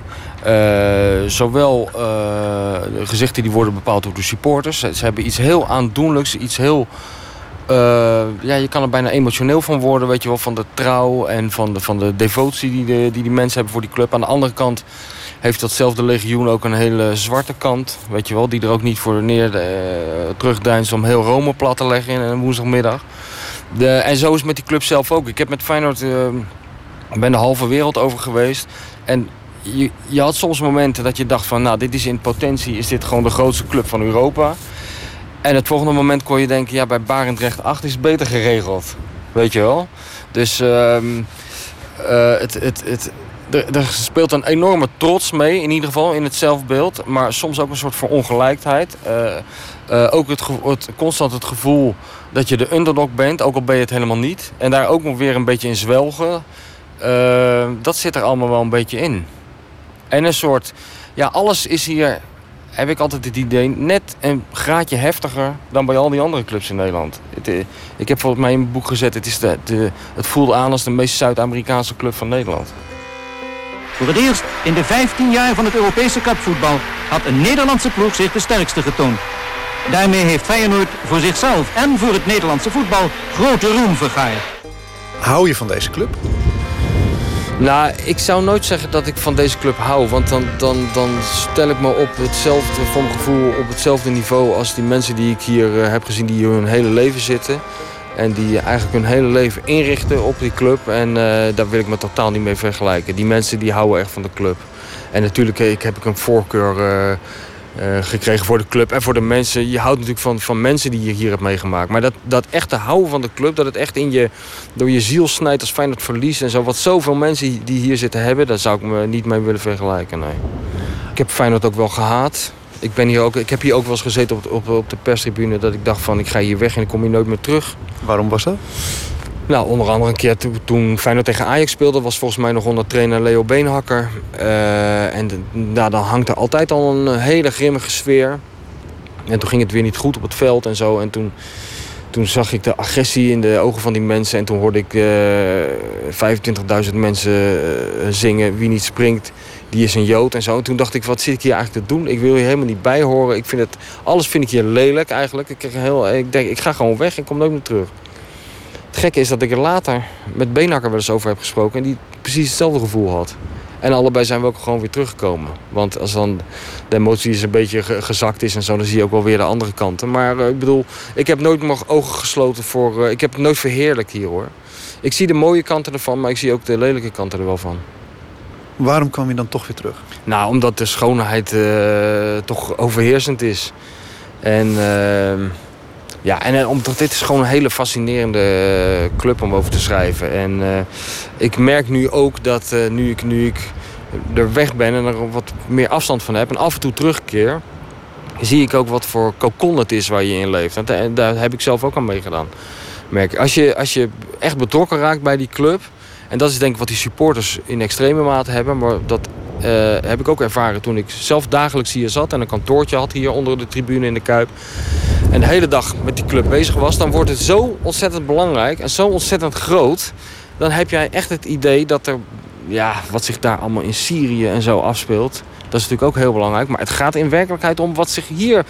wat hier allemaal gebeurt, weet je wel. Ja, dat is natuurlijk, slaat natuurlijk helemaal nergens op... maar dat, als je niet uitkijkt, sluipt dat erin. En ik ben altijd, wat ik al zei, toch ook hier binnen Feyenoord wel een buitenstaander geweest. Een gekke rol natuurlijk die ik had. Aan de ene kant hoorde je, hoorde erbij, aan de andere kant ook weer niet. Maar ehm, zelfs ik, die ook van nature altijd wel afstand houdt... heb me er nu op betrapt, nu ik afstand heb... Ik, ik, heb, ik, ik heb me ook veel te druk gemaakt over hele onbelangrijke dingen hier. Maar dat gaat vanzelf en dat is natuurlijk ook wel weer het mooie. En het fascinerende om over te schrijven. Ik bedoel, daar, gaan gaat dat boek van mij hopelijk voor een deel over. De vraag, en ik, ik geloof niet dat ik er een antwoord op heb, maar ik roep de vraag gewoon op. Hoe kan het dat deze club voor zo ontzettend veel verschillende mensen zo ontzettend veel betekent? Dat, dat blijf ik heel fascinerend vinden.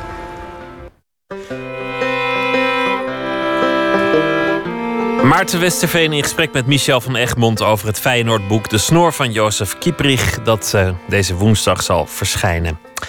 Vandaag werd bekend dat regisseur Danny Boyle een vervolg gaat maken op de film Trainspotting met de originele cast en wederom naar een boek van de schrijver Irving Welsh.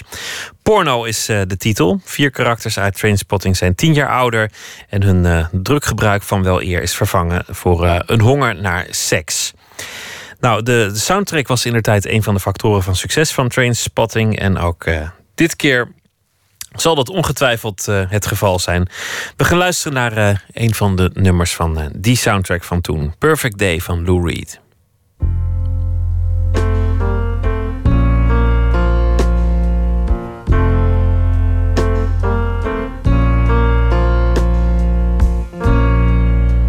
Just a perfect day. Drink sangria in the park. And then later, when it gets dark, we go home.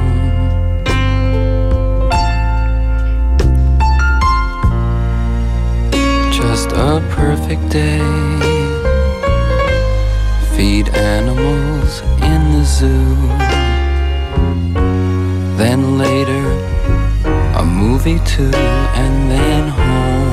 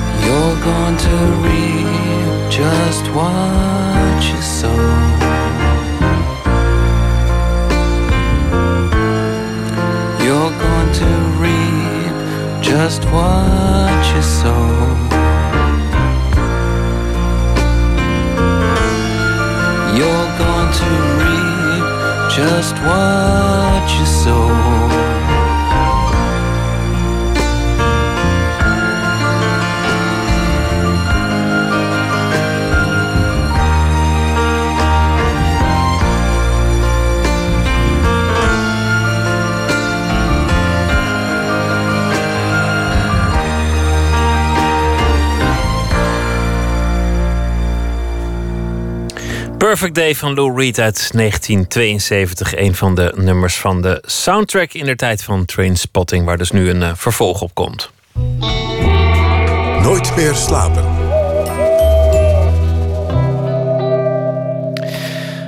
Vanmiddag werd in Amsterdam een bijzonder project gedoopt. De naam is In Limbo Embassy Project. En het is bedacht door een jonge Nederlandse ontwerpster, Manon van Hoekel.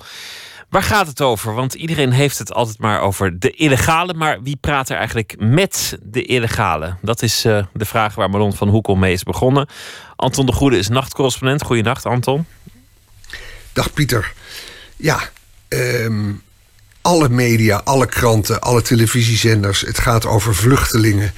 En um, dit project van Manon van Hoekel dat is eigenlijk al een tijd geleden gelanceerd met een crowdfunding actie uh, opgestart.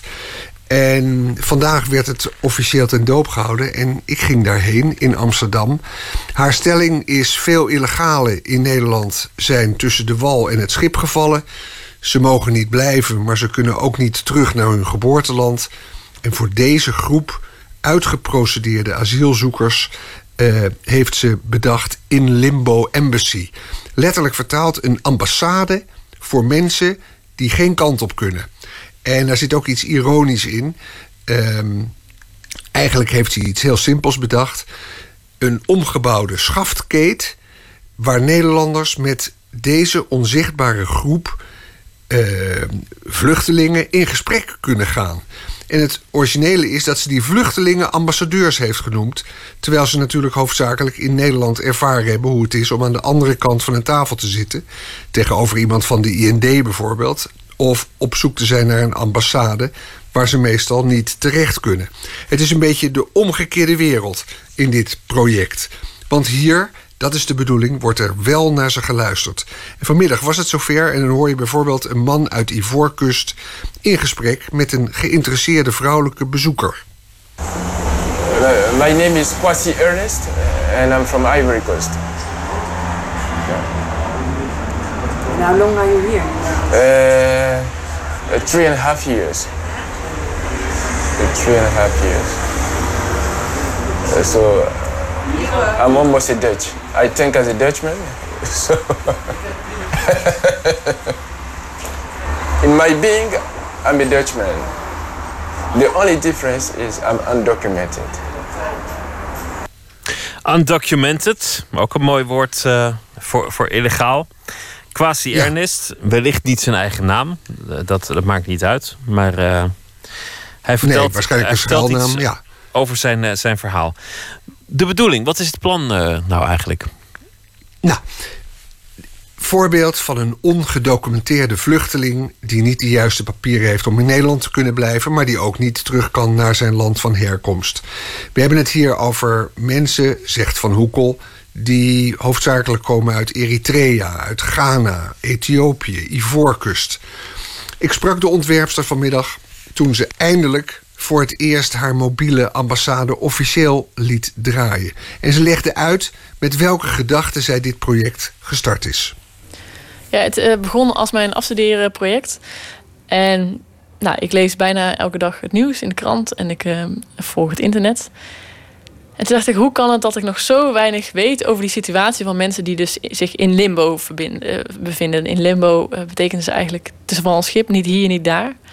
Ehm, en ik was nieuwsgierig, dus ik, ik ben een groep uh, ongedocumenteerde vluchtelingen gaan volgen. Um, en toen dacht ik, als ik hier al zo weinig van weet, hoe zit dat dan met andere mensen? En mijn familie en vrienden hadden hetzelfde. En, en hoe kan je die informatie nou op een juiste manier overbrengen? En toen bedacht ik, ja, dat kan alleen maar door vluchtelingen zelf hun verhaal te laten doen. In plaats van een journalist te vragen om daar een stuk over te schrijven. En hoe kom je aan die vluchtelingen, om het zo maar eens te formuleren? Nou, hier in Amsterdam zit een grote groep uh, uh, vluchtelingen. Ze heten Wij zijn hier. Het is een groep van 200 uh, mensen die in verschillende grote kraakpanden verblijven. Dus ik heb daar gewoon aangebeld en ik ben naar binnen gegaan. Maar voor veel mensen is dat blijkbaar toch nog een te hoge drempel om in een leeg groot pand te komen waar je niet weet of mensen jouw taal spreken of als ze Engels spreken. En wie spreek je op dat zo'n moment dan aan? Dus daarom is deze ambassade een iets neutralere ontmoetingsplek waar een dialoog kan uh, ontstaan op gelijke voet. Wie heeft daar behoefte aan? Is dat een, een behoefte die wordt gevoeld aan de kant van de, de illegale of, of aan de kant van de, de omstanders en, en de bezoekers? Ik kan eigenlijk niet namens die illegale spreken, maar ik denk dat die behoefte onder hen heel groot is. En dat kon je vanmiddag ook merken. Die behoefte bestaat bij mij bijvoorbeeld ook. Als, ja, wanneer heb ik te maken met uh, illegale? Ik ken een paar schoonmakers waarvan ik vermoed dat ze illegaal zijn. Maar ik vraag ze daar eigenlijk niet naar, want ik denk dat dat, dat vinden ze vervelend, denk ik. Ik heb Al Galidi, de schrijver, wel eens geïnterviewd, die daar prachtig over geschreven heeft. Was ooit een uitgeprocedeerde asielzoeker. Maar verder spreek je er eigenlijk niet mee. Vanmiddag bleek er ook direct belangstelling. Hier een dialoog tussen bezoekster Nathalie en dezelfde quasi Ernest die we net hoorden, de man uit Ivoorkust. En deze Nathalie die stelde precies de vraag die deze dagen bij heel veel Nederlanders speelt, namelijk wat kan ik doen om vluchtelingen te helpen? And how, how can I help? Because I, I'm sharing things on Facebook and I, I talk with people about it, but it, it feels not enough. I, I want to be actively involved, but it's so um, it's unclear to me what I can do. You know, do I do I come bring shoes? Do I um, help translate? Do do I just take somebody out for dinner? I I really I feel um, I want to help, but I, I just don't know what I can do. Yeah, you can help in many ways. Uh, of course, uh, we need uh, all those things you you're talking about, like food, like shoes. We need people who can represent us. We need people who can help us to to, to come back to, to to join the society, so that people will no, no more be afraid of us. Mm-hmm. This is the this is the case. Make there's the the there's the fear. There's the threat. Yeah.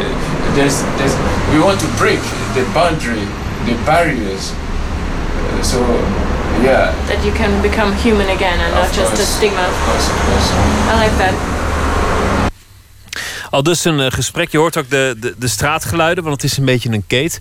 Maar Anton, hoe sympathiek het ook is, uiteindelijk is het natuurlijk maar ehm, futiel, omdat het niet een oplossing biedt voor dat massieve probleem waar ehm, de vluchtelingen mee kampen, waar Europa mee kampt.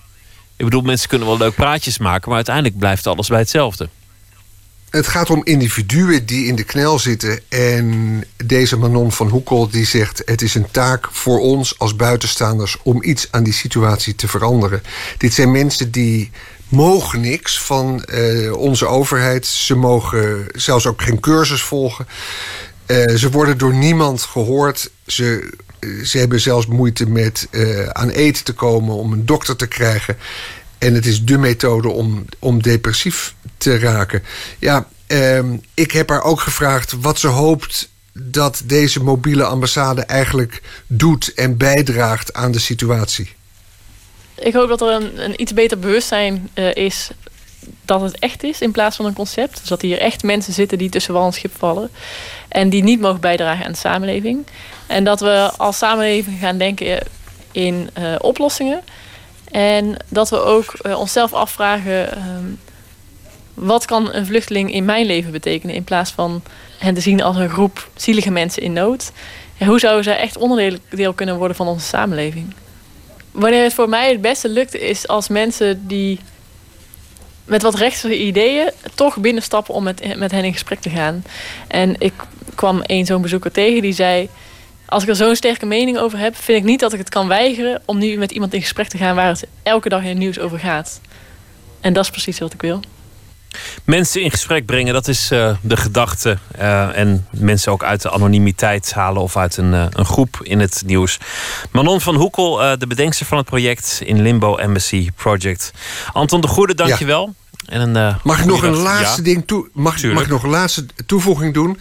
Ik kwam uh, bij dat project vanmiddag in Amsterdam VPRO-collega's tegen van het televisieprogramma Tegenlicht. Die buigen zich binnenkort ook over allerlei onorthodoxe ideeën waarmee deze vluchtelingenproblematiek benaderd kan worden. En vanaf morgen zal in de lucht zijn hun website Give Me Shelter. Ook daar aandacht voor onder andere dit initiatief van Manon van Hoekel. Give Me Shelter. En die tegenlichtuitzending die daarvan dan het gevolg van is... Die uh, volgt geloof ik op 10 oktober of 18 oktober. Dankjewel, Anton de Goede. Goeienacht. Goeienacht, Pieter. Ze treden binnenkort op in uh, Amsterdam en Groningen. De Amerikaanse band My Morning Jacket. En uh, we komen vast in de stemming voor die optredens... met een nummer uit 2011, Moving Away.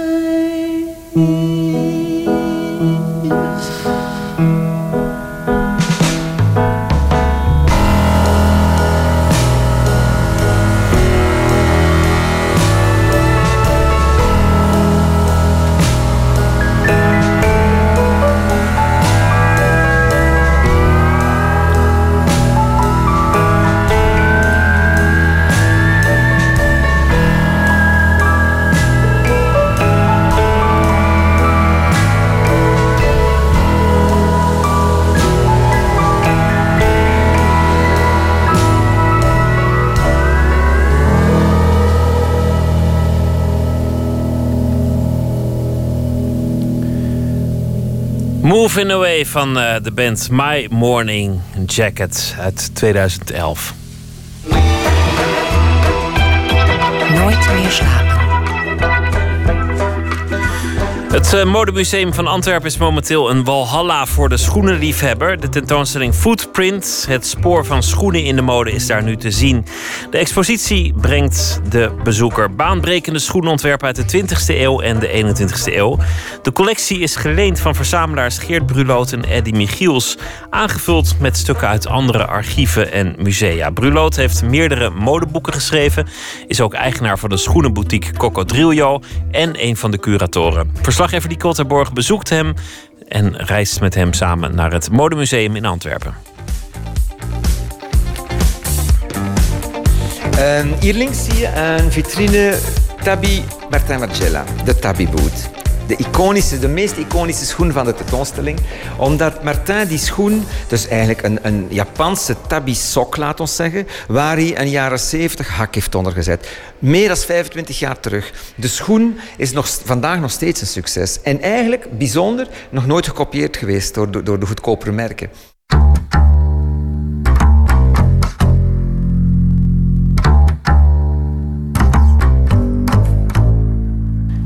Het is donker, alleen de schoenen staan in het licht. Achter glas. Laarzen, stiletto's, pumps, sneakers, wedges, vetenschoenen. Ontworpen de modegrootheden als Ferragamo, Blahnik en Westwood. De tentoonstellingsruimtes zijn gevormd als zigzaggende gangen... waar je steeds weer een andere groep kunstwerken tegenkomt. 600 schoenen zijn er te zien. En het draait in deze expositie volgens Geert Bruloot om emotie. Schoenen hebben, ik denk ook voor mannen, eh, het verandert de manier waarop je loopt. Of je nu, als, ik herinner me, jaren 70 liepen we allemaal op hakken. De mannen droegen hogere hakken. En het was een andere manier van lopen, een andere manier van bewegen. Was je schoen bepaalt eigenlijk hoe je voelt? Ja, ik denk het wel. Ik denk het wel. Uh, misschien ook dat, dat de, de, hoe je je voelt bepaalt wat je gaat aantrekken. Dat kan ook. Maar ik weet zeker dat de schoen invloed heeft daarop. En we komen hier dan terecht in de, in de footprint tentoonstelling. Uh, footprint in twee woorden, de voetafdruk eigenlijk. Hè. Uh, die een tentoonstelling is over schoenen uh, op, die, we, die we bij elkaar hebben gebracht op basis van emotie. Ik vind, uh, ik wil niet nostalgisch zijn, maar als we even terugkijken, emotie is iets dat een beetje zoek is geraakt in de mode. het gaat allemaal over het product, de itbuik, de itschoen, de itbril, noem maar op. De modekenner vindt het belangrijk om de schoenen niet op een klassieke manier te laten zien door alles aan de geschiedenis te koppelen. De innovatie van ontwerpen staat centraal met emotie als uitgangspunt. De schoenen zijn ingedeeld onder kopjes als pop, fetish, architectuur en Hollywood. Voor ons zijn er twee ontwerpers uit de 20e eeuw die eigenlijk al de moderne schoenen, de basis voor de moderne schoenen hebben gemaakt. Dat is Salvatore Ferragamo en Roger Vivier. Ferragamo voor zijn uitvindingen. Die heeft meer dan 400 patenten voor de constructie van een schoen. Hoe kun je nu rond één schoen 400 patenten maken? Oh, de stiletto-hak, hè? Bijvoorbeeld. Maar die had hij ontworpen voor Marilyn Monroe. Die had, hij had haar nooit ontmoet, maar zij had pumpen besteld bij hem, omdat ze wat groter wou zijn. En daar wou hij 9 centimeter onder steken. En hij wou die hak wat meer naar binnen brengen en heel fijn maken, waardoor dat hij een, een, stilet, een, een stalen stiletto heeft gemaakt en aan een brug verbonden om de krachten op te vangen, in de hak heeft verwerkt. Let my people go.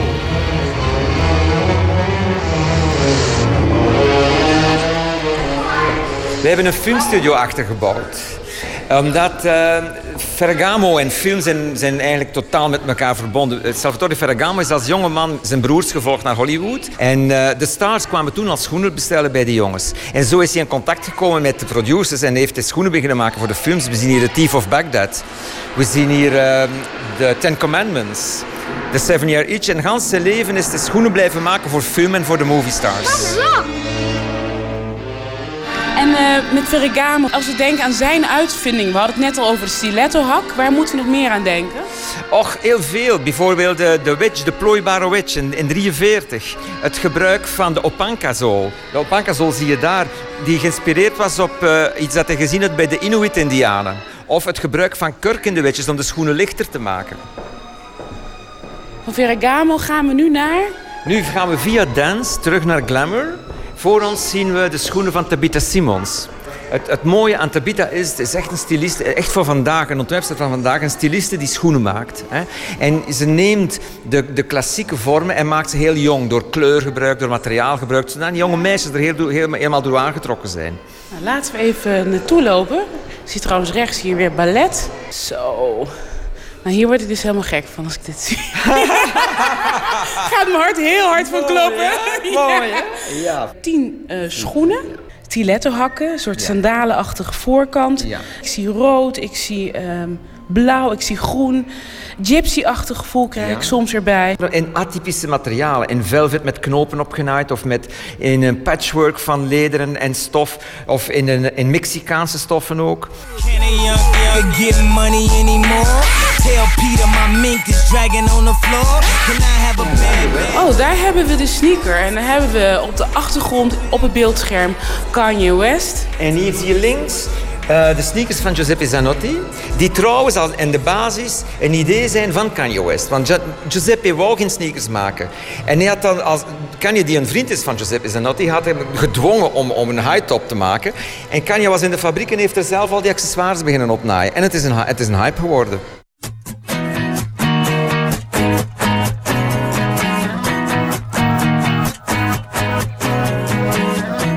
We, we hebben niet meer die tradities van schoenen. Hè? Je, je, je doet aan waar je je goed in voelt. Waarom is de sneaker belangrijk geworden? Omdat het lichaam terug belangrijk is geworden. We gaan anders eten, we gaan naar de gym, we gaan opereren, we gaan van alles doen. We gaan anders bewegen. Hè? Dus ik, ik denk dat, dat daar heel veel in veranderd is. Maar of nu de veterschoen bijvoorbeeld voor een man terugkomt, die komt terug. Je ziet de hipsters alweer dragen. Het is altijd een evolutie. Het komen en gaan, dat is mode. Wat voor trend ziet u dan als het gaat om mode en schoenen? Ik zie heel veel veranderen, eh, vormelijk ook, door, door de nieuwe materialen, de nieuwe middelen. Dat zie je daar ook een beetje in die laatste show, de Atlantis Show van eh, Alexander McQueen, die we op video laten zien. Waar, waar hij niet alleen vormelijk ook de schoenen, maar ook de kapsels, de schouders, de, de, de heupen helemaal verandert. Echt vormen gaat veranderen. Ook omdat hij de, de beschikking heeft over nieuwe materialen. Je ziet Iris van Herpen, een fantastisch voorbeeld van de nieuwe vormen. 3D-printing bijvoorbeeld. Ehm, bijvoorbeeld, men spreekt dat men zijn, zijn eigen schoenen of zijn eigen kleren zal, zal kunnen gaan printen in de toekomst. Of het waar is, weet ik niet. Maar het, het, het, het geeft een andere visie op mode. We lopen hier door de tentoonstellingsruimtes. Eh, het is heel donker. Het enige wat we zien zijn eigenlijk de vitrines, de etalages. Zo bent u ook begonnen ooit, hè? Ja. Heel lang ja, geleden, ja, toch? Ja, ik ben begonnen als etalagist, inderdaad. Hè. En als ik na al die jaren even op mezelf terugkijk, dan ontdek ik bij mezelf dat ik die drang heb om dingen die ik mooi vind, waar ik enthousiast kan over worden, die ik ontdek, dat ik die aan de mensen wil laten zien. Verder dan die roze of iets minder ver dan die roze? Eh, iets minder ver. Oké. Ik zal teken doen.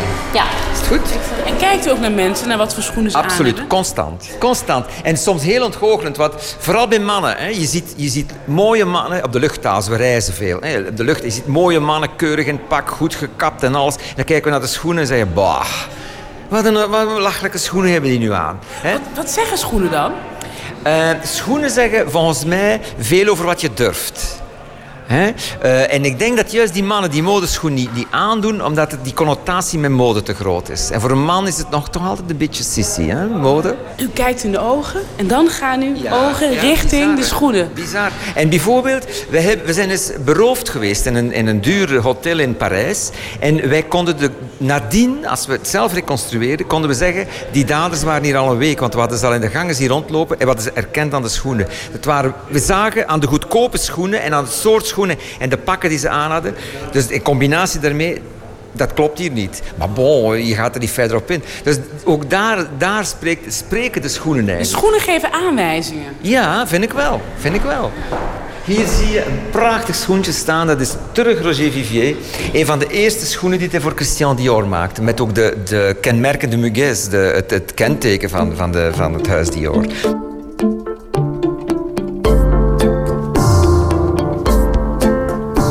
Blahnik, hè, natuurlijk. Ja. Ja, Manolo is een, is een wereldbekend eh, figuur. Ehm, maar is, is een, is een ongelooflijk gepassioneerde man die zelf nog artisanaal, op artisanale manier zijn leesten maakt. Die zelf eh, in de studio de schoen maakt. Eh, zijn tekeningen zijn subliem, maar hij maakt zijn, zijn prototypes helemaal zelf in de studio. En hier zie je een selectie ervan die een beetje atypisch is uit 1971, die blok daar bijvoorbeeld. Ja, we zien een soort uh, vierkante blok, 13 centimeter, met er overheen een uh, groene flap die over de voet heen gaat in de breedte. En wat typisch natuurlijk is uh, van Manolo, is dat zij um, goede, mooie materialen gebruikt. Kleurrijk, maar dat ze ook comfortabel zitten. Absoluut, absoluut. Want ik was bij hem en hij, had, hij, hij, was al een schoen bezig. En hij zei, maar ik zeg Manolo subliem. En hij zei, mm, mm, niet goed. En dan nam hij een potlood en stak het onder het dip. Hij zei, zo zal het beter aanzetten. Couturier, een schoenencouturier, zo zijn er niet veel meer.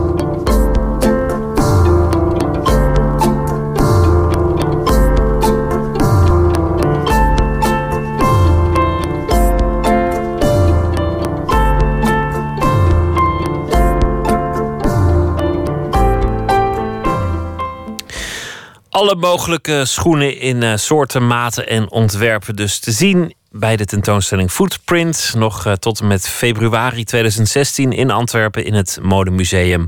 En er is ook een uh, boek bij verschenen waar Geert Bruloot een van de schrijvers van is. Dus uh, wie van schoenen houdt, weet wat te doen. Dichter Marieke Rijneveld leest deze week vijf van haar favoriete gedichten.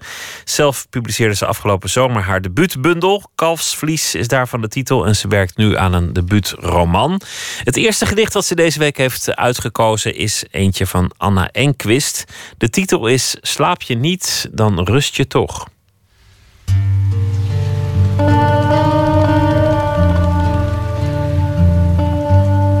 Een gedicht van Anne Enquist. Slaap je niet, dan lig je toch. Dit gedicht betekent veel voor mij.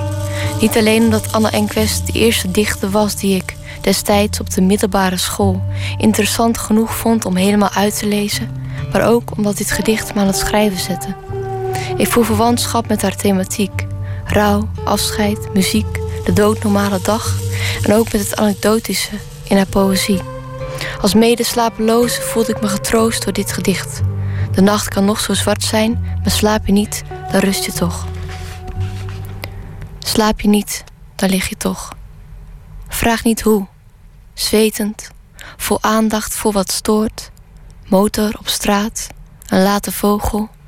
Geheimtaal van de verwarming, het zuchten van het huis. Keer op keer ruk ik mijzelf weg voor de poort van de slaap.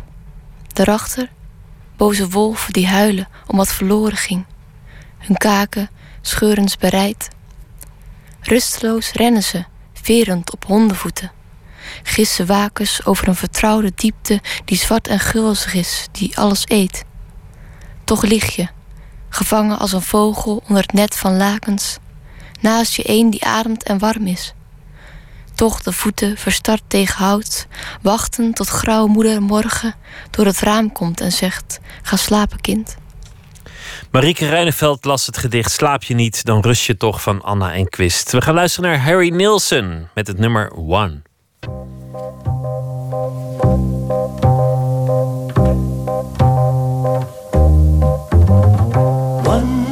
is the loneliest number that you'll ever do. Two can be as bad as one. It's the loneliest number since the number one.